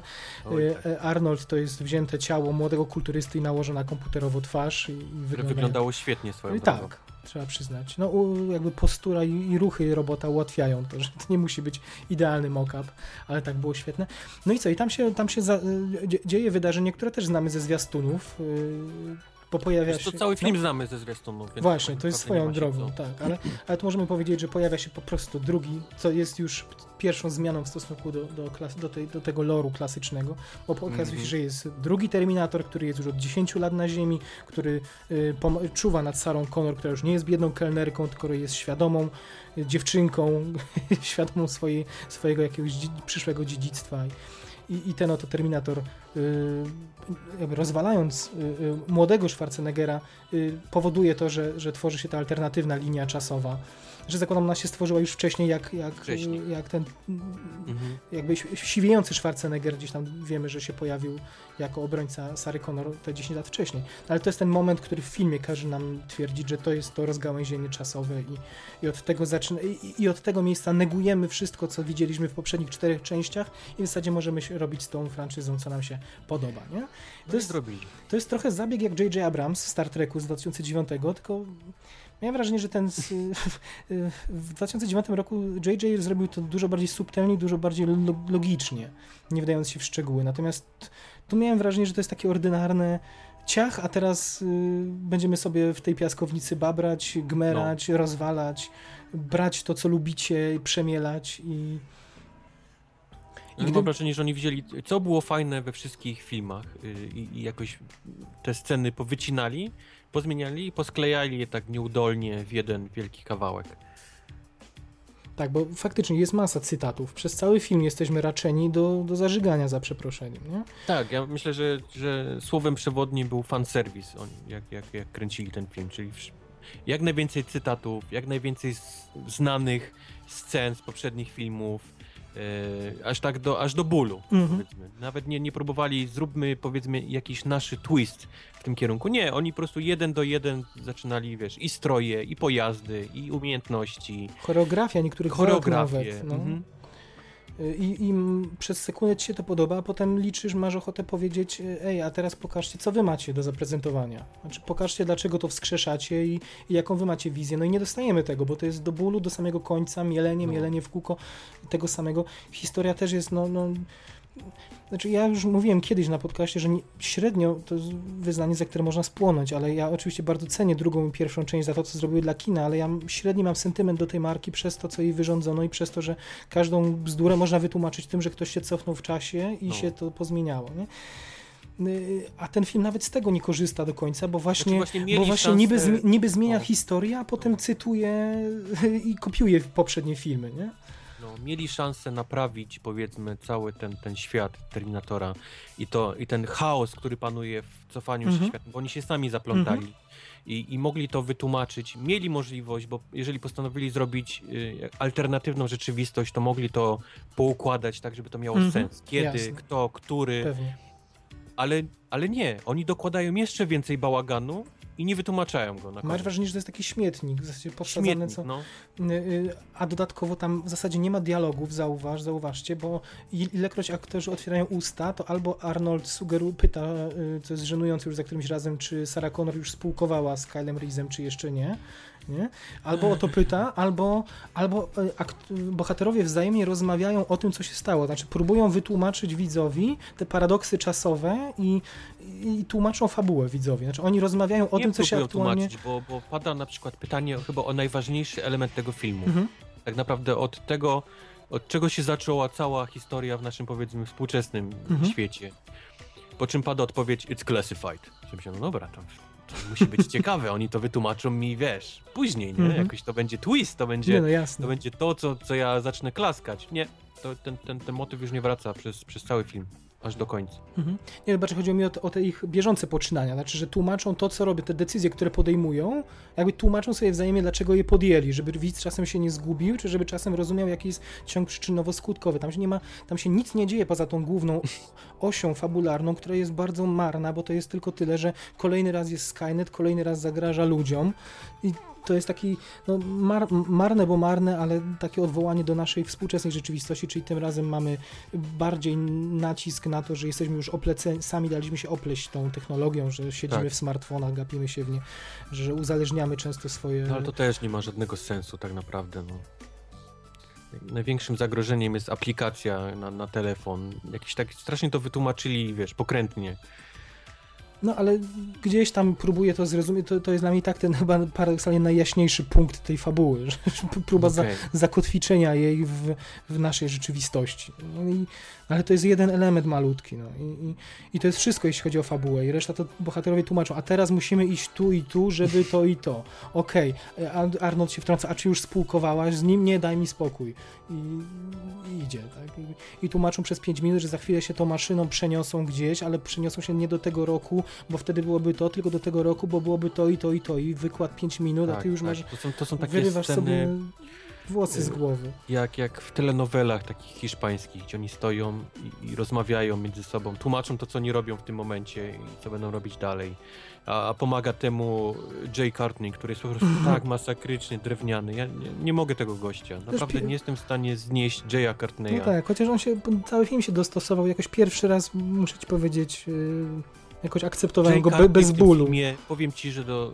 Chociaż nie, to będzie spoiler, ale, ale te, Jay Courtney powinien być Terminatorem w tym filmie. Jest, jest tak sztuczny, jest tak Okej. sztywny, jest tak drewniany, że, że miałem pewne podejrzenia przez cały film. Niestety no, Mhm. on jest tylko słabym aktorem. To samo muszę powiedzieć o Emilii Clark. No Kocham ją jako nie. Khaleesi i tak dalej w grze o Tron, ale Mhm. jest, jest bardzo, bardzo przeciętną aktorką. Yy, zła obsada, przynajmniej dla mnie, nie pasująca w ogóle do, do Sary Ja w ogóle Connor. chciałem powiedzieć, że jak patrzyłem na nią w tym filmie, to widziałem Miley Cyrus. Nie wiem Tak, dlaczego, gdzieś Tak, tak, tam ona ma twarz, taki trochę nie? wyraz twarzy, no. Tak ale, ale no, to jest kobieta, która ma być, ma być BDS-em, ma, ma, ma być tak wręcz przerażającą Mhm. kobietą, a, tym, a tymczasem jej taka dziecięca twarz, te, te takie krowie oczka i te ustka No. takie, no, no to w ogóle absolutnie nie pasuje do, do Sary Ona Connor, do wygląda- tego, co potrafiła. Ona wygląda młodziej, młodziej niż ma, niż No. ma w rzeczywistości lat, prawda? I to jest jej To prawda. przekleństwo w tym filmie. Nie jesteśmy w stanie kompletnie jej uwierzyć w te wszystkie. Oczywiście musieli ją rozebrać, bo gdzieżby tam, no, a propos tego, o czym E, rozmawiałeś tak, dwa tygodnie temu. scena z cieniem, jak, jak z, Tak. z, króli, z Rogera, e, kto wrobił Hmm. y, królika Rogera, nie? Gdzie, gdzie ta, ta laska gdzieś tam cały czas ten cień i wielki biust widać. Tak samo było z Emilią Clark, gdzie biust miała po prostu niesamowity na tym cieniu. Nie wiem, jak Ale to światło... skadrowali po prostu specjalnie, tak No cień, tak, cień padł, to że takie- no to była tak, ta, taniocha straszliwa. Tak, taniocha, prawda? że, No. że w pale się nie mieści. To samo muszę powiedzieć o Jasonie Clarku, który w każdym filmie gra tak samo. On, Mhm. ma, on ma jeden repertuar tekstów, min i, i ruchów. I, I to jest film, który, w którym jeżeli film w filmie najlepiej wypada Arnold Schwarzenegger, to to tylko mówi o tym, jak obsada, wiesz, reszty, no. Jasne. Powiedzmy o Jasonie Clarku w kontekście spoilera. Yy, prawda, to nie jest tajemnicą. Znaczy, może nie cytujmy go już teraz tutaj, yy, ale przypomnijmy, że wytwórnia w zwiastunie zdradziła prawdziwą tożsamość Tak. Jasona Clarka, czyli Johna Connora, który to był jedynym wartościowym twistem w tym filmie. Tak. Znaczy, mógłby być, Tak. gdyby nie marketing, który tak zmontował zwiastuny, że wyjawił absolutnie wszystkie niespodzianki. Yy, No i niestety yy, sam yy, Alan Taylor powiedział, że to od nich nie zależało, że od niego, od reżysera, od, od, od y, twórców, że gdyby to od nich zależało, to oczywiście nie ujawniliby Mhm. tego i to tylko wyłącznie marketing i wytwórnia zdecydowała, więc no to musi być ogromna też gorycz, że szykujesz taką niespodziankę przez rok czy przez dwa lata i chrzanią ci ją parę miesięcy przed. Mhm. No. Mhm, mhm. No, jeszcze liczyłem, obaj rozmawialiśmy na poprzednich podcastach, liczyliśmy, że może być jest kolejny gdzieś twist w tym, że nie może być tak, że oni ujawnią coś takiego, że tak się nie Ale ja robi. też tak myślałem, sobie myślę, Nie? dobra, ujawnili, to No. znaczy, że mają coś większego, że chcą mnie zaskoczyć, bo, bo to jest powiedzmy mało, mało ważna rzecz. Mhm. Zresztą ona się dzieje w połowie filmu, więc myślę, okej, drugie, drugie pół będzie, będzie niewi- wielką niewiadomą, gdzie ja dostanę jakiś, wiesz, fajną, powiedzmy, twist na koniec. Mhm. Albo... Nope. A tu nie, ma, mamy potem już tylko i wyłącznie jednowątkowy, jest rozpierducha i jednowątkowy bardzo... film drogi, przyznaj. Jak nie jadą y, No. autobusem, to latają helikopterami, jak w grze komputerowej między blokami. No. jest- Uwielbiam helikoptery w filmach, bardzo to majestatyczne stworzenia mechaniczne, ale tutaj to wyglądało tak okropnie. Straszna właśnie, jest sama scena tej, tej w helikopterach. No. Prawie porównałbym ją do, do finału Expendables 3, tam też helikoptery były Oj, w, tak, w równie tak. fantastyczny sposób użyte. Okropieństwo. Nie J.K. Simmons sam w sobie niezły, tylko też od czapy ta rola tutaj. A, aczkolwiek No, and Simmons, naj... bardzo fajna postać. No czekałem, e, czekałem ilekroć się pojawi, tak, czekałem na niego na ekranie za każdym razem, tylko Jakiś taki comic relief, widać, że, że jakiś taki przemyślana postać, po czym ona znika po 5 mhm, minutach właśnie, więcej nie niewykorzystana, dokładnie. No, już nie ma go. Mieli, mieli gościa, który Oscara miał nominację i tak dalej, i tak dalej i postanowili 5 minut go No tak, tylko to pamiętaj, że, że to jeszcze zanim się okazało, że gość ma nominację. No niby tak, nie no. wykorzystali, zmarnowali, to prawda. Ale na pewno było nakręconych więcej scen i Mhm. mogli go gdzieś tam dokleić. To nie, no, był 5 minut przez cały film. Nie wiem, czy pamiętasz, parę miesięcy temu opowiadałem ci, że jeden polski portal miał, y, miał y, Tak. gro, groźby prawnicze Tak, odnośnie tak, tak. spoilera. No mogę teraz ujawnić, y, że chodziło o, Matt, o rolę Mata Smitha i kogo gra. Teraz Mhm. widzowie, którzy byli na filmie i ty wiesz, kogo gra Matt Smith, Tak. czyli, poprzedni Doktor Who. G- wielka, wielka tajemnica, gość tak naprawdę jest w dwóch scenach, pojawia się gdzieś. W jednej z hologramem. No. Tak. Z dużej chmury mały deszcz. Znaczy jasne, że widać, że jeśli faktycznie dojdzie do kolejnych realizacji dwóch kolejnych części, na które kontrakty są podpisane i tylko sukces kasowy determinuje, czy oni wejdą na plan, to to będzie pewnie główna, główny czarny charakter Matt Smith. No to jakiś potencjał w tej postaci jest, ale, ale tutaj to było tak marne. Spodziewałem się, że to będzie pociągnięty ten wątek, a, a kolejny raz mamy tylko liźnięte. W jego kon- kontekście możemy też powiedzieć o scenie po napisach. Znaczy nie powiemy jaka jest, powiemy tylko, że Mhm. jest. Ci, którzy nie widzieli, niech sobie Jest. zostaną. Ale to jest jedna z najgorszych scen. Yep. Mogłaby iść w jednym rzędzie ze sceną z Age of Ultron. pod kątem scen, które nic nie wnoszą, które są niepotrzebne. Jeszcze Mhm. najbardziej śmieszy mnie, że, że Alan Taylor zabrał głos na jej temat i dobudowuje do niej historię, to znaczy, że, że tak, że to, to ma być furtka do kolejnych części, że ona właśnie dokładnie to mówi, że to jeszcze nie koniec. Czyli już to jest takie klasyczne, że no bo film, jak można się domyśleć, kończy się tym, że jedziemy w blasku słońca i jest potrzebne zarysowanie, że to jeszcze nie koniec, ale to jest wszystko. To ja bym się tego spodziewał w filmie telewizyjnym za 5 zł, a, a nie w Terminatorze, który po którym liczyłem, że, że, że i film, który, o paradok, w którym są paradoksy czasowe i w którym można naprawdę namieszać i zrobić naprawdę fajne Oni się mindfucki, sami zamieszali w tym. a tutaj dostajemy No. halo, to jeszcze nie wszystko, tam coś majaczy pod kamieniem, nie? Takie, to tak się teasuje w najgorszych horrorach, dajesz, machasz maczetą, że jeszcze ktoś powróci, ten kogo tam chwilę wcześniej zaciukali, to, to że tak naprawdę, no. Ech, no. Tak, no. Następna część już będzie mm, na Dzikim Zachodzie, później kolejna będzie powiedzmy w czasach w Egipcie, w czasach Kleopatry. Oni się będą cofać coraz częściej, bo, bo ktoś będzie wysyłał tego jednego Terminatora, wiesz, coraz, coraz dalej, coraz dalej. no dobra, a tak narzekamy, ale mm, spróbujmy coś pozytywnego znaleźć, Wojtek. Y, Arnold Schwarzenegger moim zdaniem, to Arnold jest, to jest Schwarzenegger, ale ja mam wrażenie, że to jest na tle właśnie bardzo słabej reszty, no. Przyjemnie było go zobaczyć znowu, prawda? To... Czy on nie jest Terminatorem, więc, więc pasuje idealnie. Nie wiem, czy zrobienie z niego takiego tatuśka, nawet jest nazywany tatuśkiem przez, Mhm. cały, przez cały film, jakiś taki. y, Próbowano bardzo wyciąć z niego ten, ten tak, takiego robota i, i próbować z niego zrobić człowieka z uczuciami. Y, Miał też bardzo dużo irytujących tekstów. y, Powtarzał często jakieś dialogi, które już do znudzenia, y, typu jestem stary, Mhm. ale, ale nie Tak. nadam Oj tak, co najmniej dwa, trzy razy. trzy albo cztery razy powtarza ten tekst. Było już bardzo do znudzenia. Ale, ale tak, no, jest, jest najlepszą, najlepszym elementem tego filmu nie przez to, że jest tak świetny, tylko przez to, że reszta po prostu leży tak, tak nisko. Mhm. E, Na plus mogę też wymienić wszystkie efekty specjalne, które mi się też podobało. Znaczy Ten- chyba ten- poza, ten, poza tymi helikopterami nieszczęsnymi. poza nie? helikopterami, ale Mhm. właśnie młody Terminator, ten, ten CGI był świetnie zrobiony i, i, i jakieś takie inne parę... Ale miałem wrażenie, że T-1000 na przykład lepiej wyglądał w latach 90. w No Terminatorze właśnie też do drugim. tego mnie, może nie lepiej, ale wyglądał tak samo, Mhm. jest bardzo dziwne, bo minęło tyle lat od No. tego i nie potrafili zmienić nic. Yy, no, Ja jeszcze do, do tego Arnolda chciałem powiedzieć, że no, lata lecą, on już y, w ma mniej filmów, w których może zagrać niż więcej, no, prawda? Zwie, on już wcześniej, jego fizjonomia i akcent mu warunkowały to, że nie na każdego filmu się nada, a teraz jeszcze wiek powoduje, że, że coraz mniej tych filmów będzie miał, więc, więc niewykluczone, że to jeden z ostatnich filmów, w których go możemy w takiej pełnej krasie i na pierwszym planie oglądać, więc pod tym kątem mogę powiedzieć, że polecamy się zmęczyć. Ale udało mu się prawda? w Meki zagrać, wiesz, ojca. I- Mhm. Naprawdę zagrał świetnie, więc on jest w stanie. No. No tak, no ale czy go w takim, kolejny raz w takim filmie? No, No nie, no jak znowu wpadł do szuflady Terminatora, to znowu teraz będzie miał, wiesz, będzie siedział bez, bez roboty, no bo kto chce ruszyć Terminatora gdzieś w filmie Wiesz, o śmierci małej słuchaj, dziewczynki. muskular, muskularny ojciec niemowa z, z córką zombie to już No. ekstre, ekstremum. No, ile mogą mu takich projektów wymyślić, mimo wszystko. No. No, ale miło było zobaczyć go siwiejącego, tam z, wytłumaczyli go zgrabnie, niezgrabnie, nie wiem, że, że ro, robot jest w każdym razie w pełni sprawny, natomiast tkanka się starzeje ludzka i, i dlatego jest siwy, nie drążcie dalej, nie?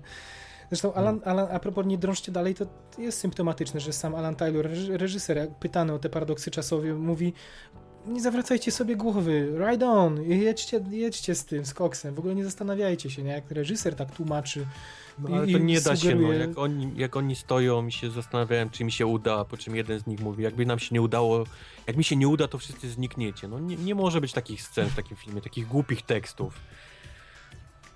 Nie, nie, nie może być mowy o znikaniu, jak się coś nie uda. Skoro rozmawiacie, to znaczy, że się udało, bo, bo inaczej by nie było tej... No, tak- ktoś w ogóle totalnie nie przemyślał Naprawdę mieli tyle lat, się mieli, czasie. mieli 6 lat od ostatniej produkcji, żeby, znaczy jasne, tam prawa do Terminatora przechodziły z, z rąk do rąk, bo tam chyba właściciele praw bankrutowali, Karolko chyba ktoś tam inny przejął. Y, Tak, i teraz będą one przechodziły dalej pewnie. Nieważne, ale- za, za Ale mimo filmy. wszystko, scena, był tabun scenarzystów, który mógł rywalizować, kto, czyj pomysł zostanie zrealizowany i myślę, że powstało tysiąc Nie, cie- czekaj, nie ciekaw- każdy, bo jeszcze dwa filmy i wraca z powrotem, prawa wracają do, yy, do Camerona, nie? Mówisz, tak? To nie znam w ogóle tej historii. Jest, tak Ojej, jest. Są jeszcze dwa filmy, które, które mają zrobić i wracają prawa do Camerona. byłoby świetnie, bo ja znam taką historię, że Cameron za dolara odsprzedał wszystkie prawa, żeby w ogóle pierwsza część się pojawiła w kinach. To tyle, Mhm. na tym się kończy moja wiedza i to, że mu się Terminator przyśnił w trakcie snu i, i takiego objawienia dostał i, i stąd powstał pomysł na film i że, i że Schwarzenegger zarówno jak i, jak i pozostali członkowie ekipy traktowali pierwszą część jako hałturę. Wszyscy byli za- zaskoczeni po prostu sukcesem oczywiście i, tyle wiem na temat, na temat praw do, do Terminatora, ale to, to byłoby świetnie, gdyby, jeśli faktycznie, tak jak mówisz, wrócą Mhm. prawa do Camerona. Wow. Po, No. siu, po siódmym awatarze mógłby spróbować tą, wiesz, uratować markę. Znowu zaneguje wszystko, wszystkie części poprzednie. Wojtek, czy, czy jeszcze coś ci przychodzi do głowy? Ja bym chciał, że jakieś jeszcze pochwały może, do, żeby nie było, że tak hejtujemy Eee, tylko no i się właśnie znęcamy. chciałbym na siłę, ale naprawdę no, jest mało rzeczy. Yy, muzyka z filmu jest też bardzo miałka. Jest kilka fajnych kawałków, momentów, które mi się podobały, a raczej jest takie bardzo takie Mhm. meh. No właśnie, tak napisałeś mi w, tra- w ogóle Wojtek pisał mi, że jedzie do kina słuchając już w Apple Music w nowej usłudze.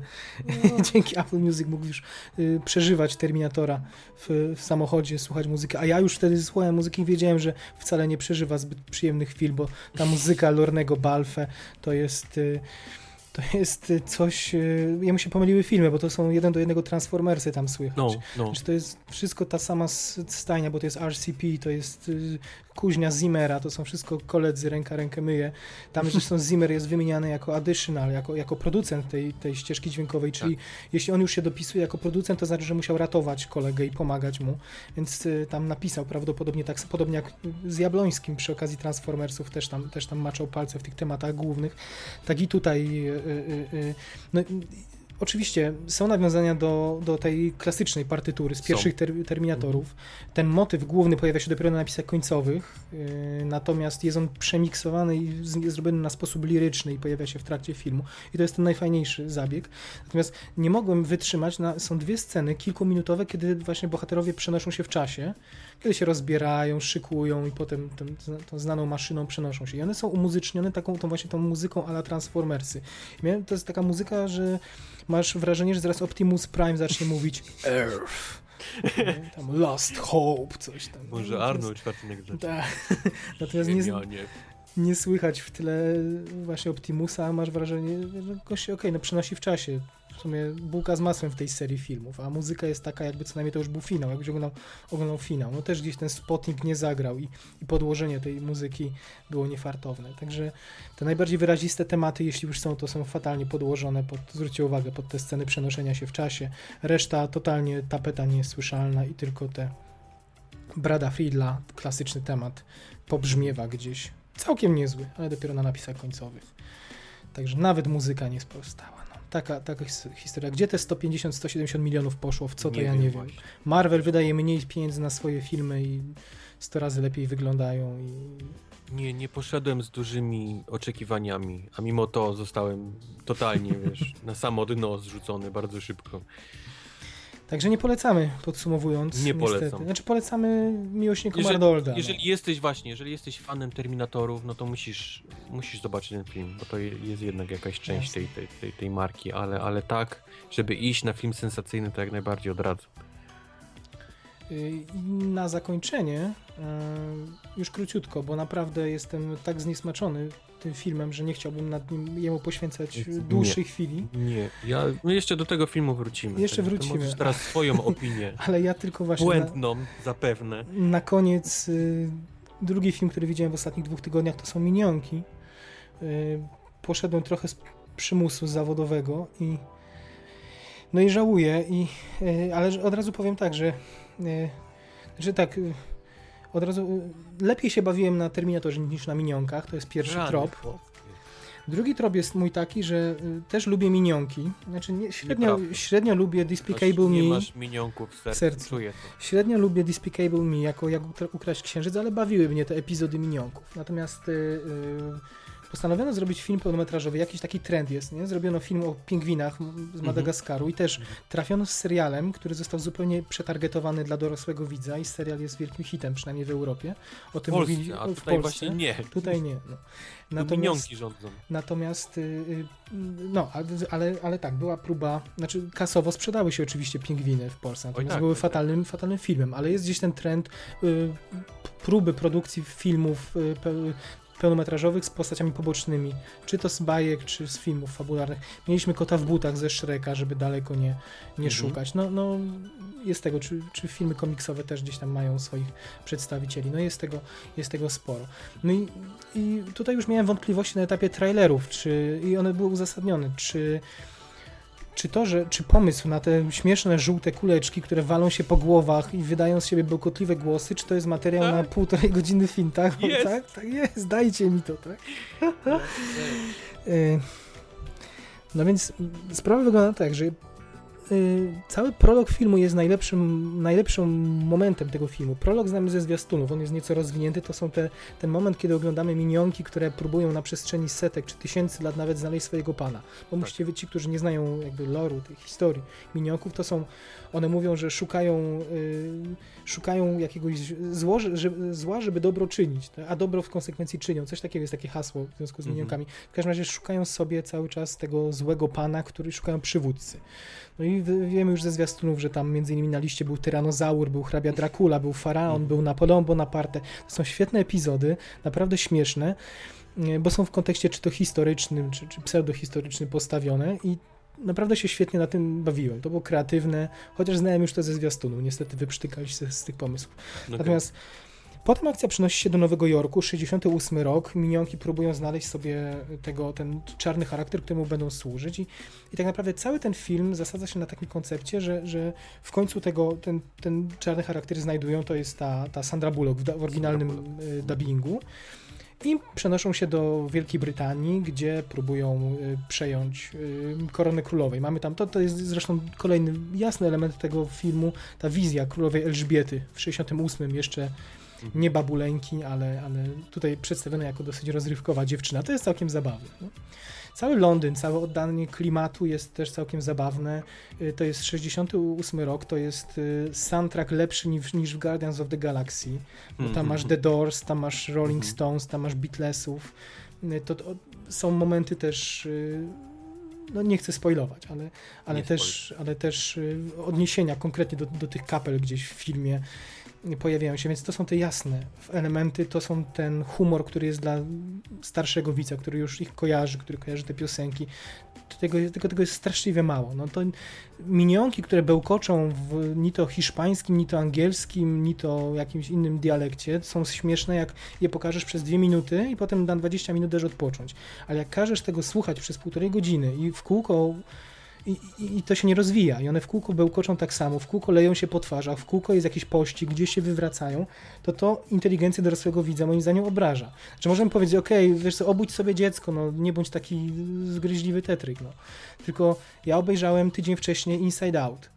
Yy, w głowie się nie mieści. Inside Out nie? cię zepsuło. I, i teraz tak po... Samo jak Wiedźmin cię zepsuł wszystkie gry już po. I wiesz, i teraz jak po tygodniu dostaję coś takiego, w, czymś takim w twarz, to, to nie mogłem się długo pozbierać po tym, co oni mi tutaj, tutaj wyrządzili. Ogromny, to, ogromny zawód, o, ogromny. Ja czułem się zmęczony po tym filmie, tym, tą ilością tego. Recycling tych żartów, ponowne ich użycie jest na nieznośnym wręcz poziomie, moim zdaniem. Okay. A do tego ten film nie niesie żadnych wartości. No, jeśli to jest film, obejrzało milion ludzi w Polsce, film, w którym nie ma w zasadzie pozytywnego bohatera, który nie ma morału, może poza tym, że po prostu te minionki gdzieś tam się trzymają razem i okej, okay, świetnie, no, no, faktycznie w grupie siła, i, ale to wszystko i, i ta czarny charakter, ta, ta główna zła jest z, z, z gruntu zła, ona nie ma, jeszcze ten gruz klasycznych filmów, on był wielowymiarową postacią, a tu jest po prostu do szpiku gości zła baba ze złymi zamiarami, koniec, kropka. A może tak jak Inside Out był filmem bardziej dla dorosłych niż dla dzieci, tak może minionki są bardziej dla dzieci niż dla dorosłych. Znaczy, no, zawsze gdzieś jest jasne, wyobrażam sobie, że, nie? że tylko Każdy dzieci coś dla siebie. Jasne, że tylko dzieci będzie to bawiło, tak. W Inside Out bohaterowie wywrócili się czy dostali kulką wspomnieniami w krocze raz w ciągu całego filmu. Czyli brakuje więc, tego balansu, tak? Żeby więc wiesz, to było również zabawne dla dorosłych. Jasne, dokładnie. Więc w Inside Out, jeśli y, strach dostał kulką z wspomnieniem w krocze raz w ciągu filmu, to dzieci się zaśmiały raz w ciągu tego filmu, bo takich żartów więcej w tym filmie nie było. No a w miniokach masz przez półtorej godziny i dzieci faktycznie dobrze się bawią. Nie? No, no. A, do, a dorośli no, no średnio. No i i to jest chyba tyle. No, nie wiem, jeśli ty ukochałeś sobie te minionki tak bardzo, być może bezkrytycznie, miejmy nadzieję, to wyciągniesz z tego. Mam nadzieję, pogadamy o tym za dwa tygodnie. To, to być może no, wyłuskasz. Ja może... prawdę powiem o minionkach. Ja też, no, na pewno mnie zepsuło też Inside Out, to towarzystwo bardzo bliskie tego arcydzieła. To mhm. siłą, że jakbyś się nie silił na wyrozumiałość, to, to nie jesteś w stanie zaakceptować potem tego, co, co tutaj pokazali. Ale nie hejtuję w 100%, bo mówię, odniesienia do, do kwestii brytyjskich, Królowa Elżbieta, soundtrack i prolog to są jasne elementy tego filmu i, jak już musicie i jeśli dzieci was ciągną, to, to szukajcie chociaż radości w tych, jeszcze, nie, nie, w tych kilku elementach. Okej okay, Wojtek, co? To by było chyba na tyle, co? Skończymy już. Nie ma y, więcej, ale będzie, w następnych będzie. O minionkach będzie, wrócimy jak najbardziej, Wojtek musi bronić ich mm, dziedzictwa. Wrócimy z minionkami, wrócimy też na pewno z odcinkiem specjalnym o Antmenie. Jeszcze nie planu, nie rozmawialiśmy, więc nie obiecamy, czy to będzie już w przyszłym tygodniu, kiedy mhm. to film ma premierę, bo to już chyba za tydzień, prawda? E, mi się piątek, wydaje, tak? więcej. No. Więc y, jeśli uda nam się, a jak nie, to w okolicach kolejnego odcinka za dwa tygodnie na pewno dostaniecie spoiler special, w którym podsumujemy to, co, tak jak mówiliśmy, co Kevin Feige y, ma do powiedzenia, a ma sporo. Y, pomówimy na pewno o scenach po napisach, które już teraz możemy powiedzieć są mm, w, w Antymenie rewelacyjne podobno. Mm. Powiemy, powiemy na pewno o Jamesie Gunnie, który rozpływa się po premierze Antmana, mówiąc, że to jest James Gunn, reżyser Strażników Galaktyki, mm który mówi po, po, już po obejrzeniu filmu, że to jest jego, nie licząc oczywiście jego Strażników, to jest jego ulubiony film po pierwszym Iron Manie. To są, -hmm. to, to, olbrzymi kredyt jest zaufania. Z drugiej strony widzimy Marvela, który torpeduje nas z zwiastunami, spotami, chyba jest 30 spot, Ojej, tak. 30 różnych spotów telewizyjnych na ich kanale. Widziałem jakiś hiszpański spot, który, yep. który spoileruje w ogóle pojawienie się postaci z Avengersów drugich, mm -mm. ostatnich. E, także no jest tego dużo, jesteśmy, Marvel się boi chyba, że, że ludzie tego nie, nie łykną, a z drugiej strony słyszymy dobre dużo dobrego. E, Ale i tak szacunek dla nich za, za to, jak odkręcili ten film. Mhm. Z filmu, o którym rozmawialiśmy jeszcze, że no, nic z tego nie mhm. będzie. To jest, to jest film, którego nikt nie chce dotknąć. Kręcą go, bo już zaczęli właściwie Jasne. i pewnie będą chcieli go gdzieś upchnąć, tak mhm. żeby, żeby nikt nie widział, żeby przypadkiem nikt nie oceniał reszty Marvela po Ant-Manie. e, przekręcili go na film, który wszyscy mówią, że jest najlepszy film Marvela i wszyscy muszą zobaczyć, że jest tak świetny, komediowy i, i sensacyjny. Będziemy niewierny Tomasze, dotkniemy i uwierzymy. No ja muszę się. przepraszać, bo ja najwięcej, najwięcej jadł Ale obaj- na ten Ale projekt. obaj, obaj szydziliśmy z pierwszego teasera, pamiętasz, nie? Z, tej, z, No. tej, z tego latania na, musz, na, na no, mówce no, no. i tak dalej. Szykujmy się, szykujmy się na wielki spektakula- wielką spektakularną bitwę w dziecięcym pokoju pełnym zabawek. To... I, i Tom, Tomasa Parowozo, par, Parowozika tak? w towarzystwie, które widzieliśmy na, na zwiastunie. No i jest jeszcze parę innych tropów w, stosunku, w kierunku finału, które rzuca reżyser, o których Mhm. nie powiemy, to są wszystko bardzo fajne newsy, ale o tym wszystkim na odcinku spoilerowym. Dzięki Wojtek za te trzy godziny. E, Dzięki. Pozdrowienia kieruję do zaśnieżonego Chicago. Nie żartuję. Upał macie? Y, Grat i śnieg. Żartujesz. To zupełnie Nie, jak no u nas, jest, nie? jest zimno, pada, pada No. deszcz. Zupełnie jak u nas. Oba miasta, Kraków yy, i yy, Chicago płaczą nad Terminatorem. Po Terminatorze, tak. Genis, dokładnie. Pozdrawiamy. Do usłyszenia za dwa tygodnie. Pa, pa. Pa, pa. Tak, a, że, a potem crossover. Crossover. La.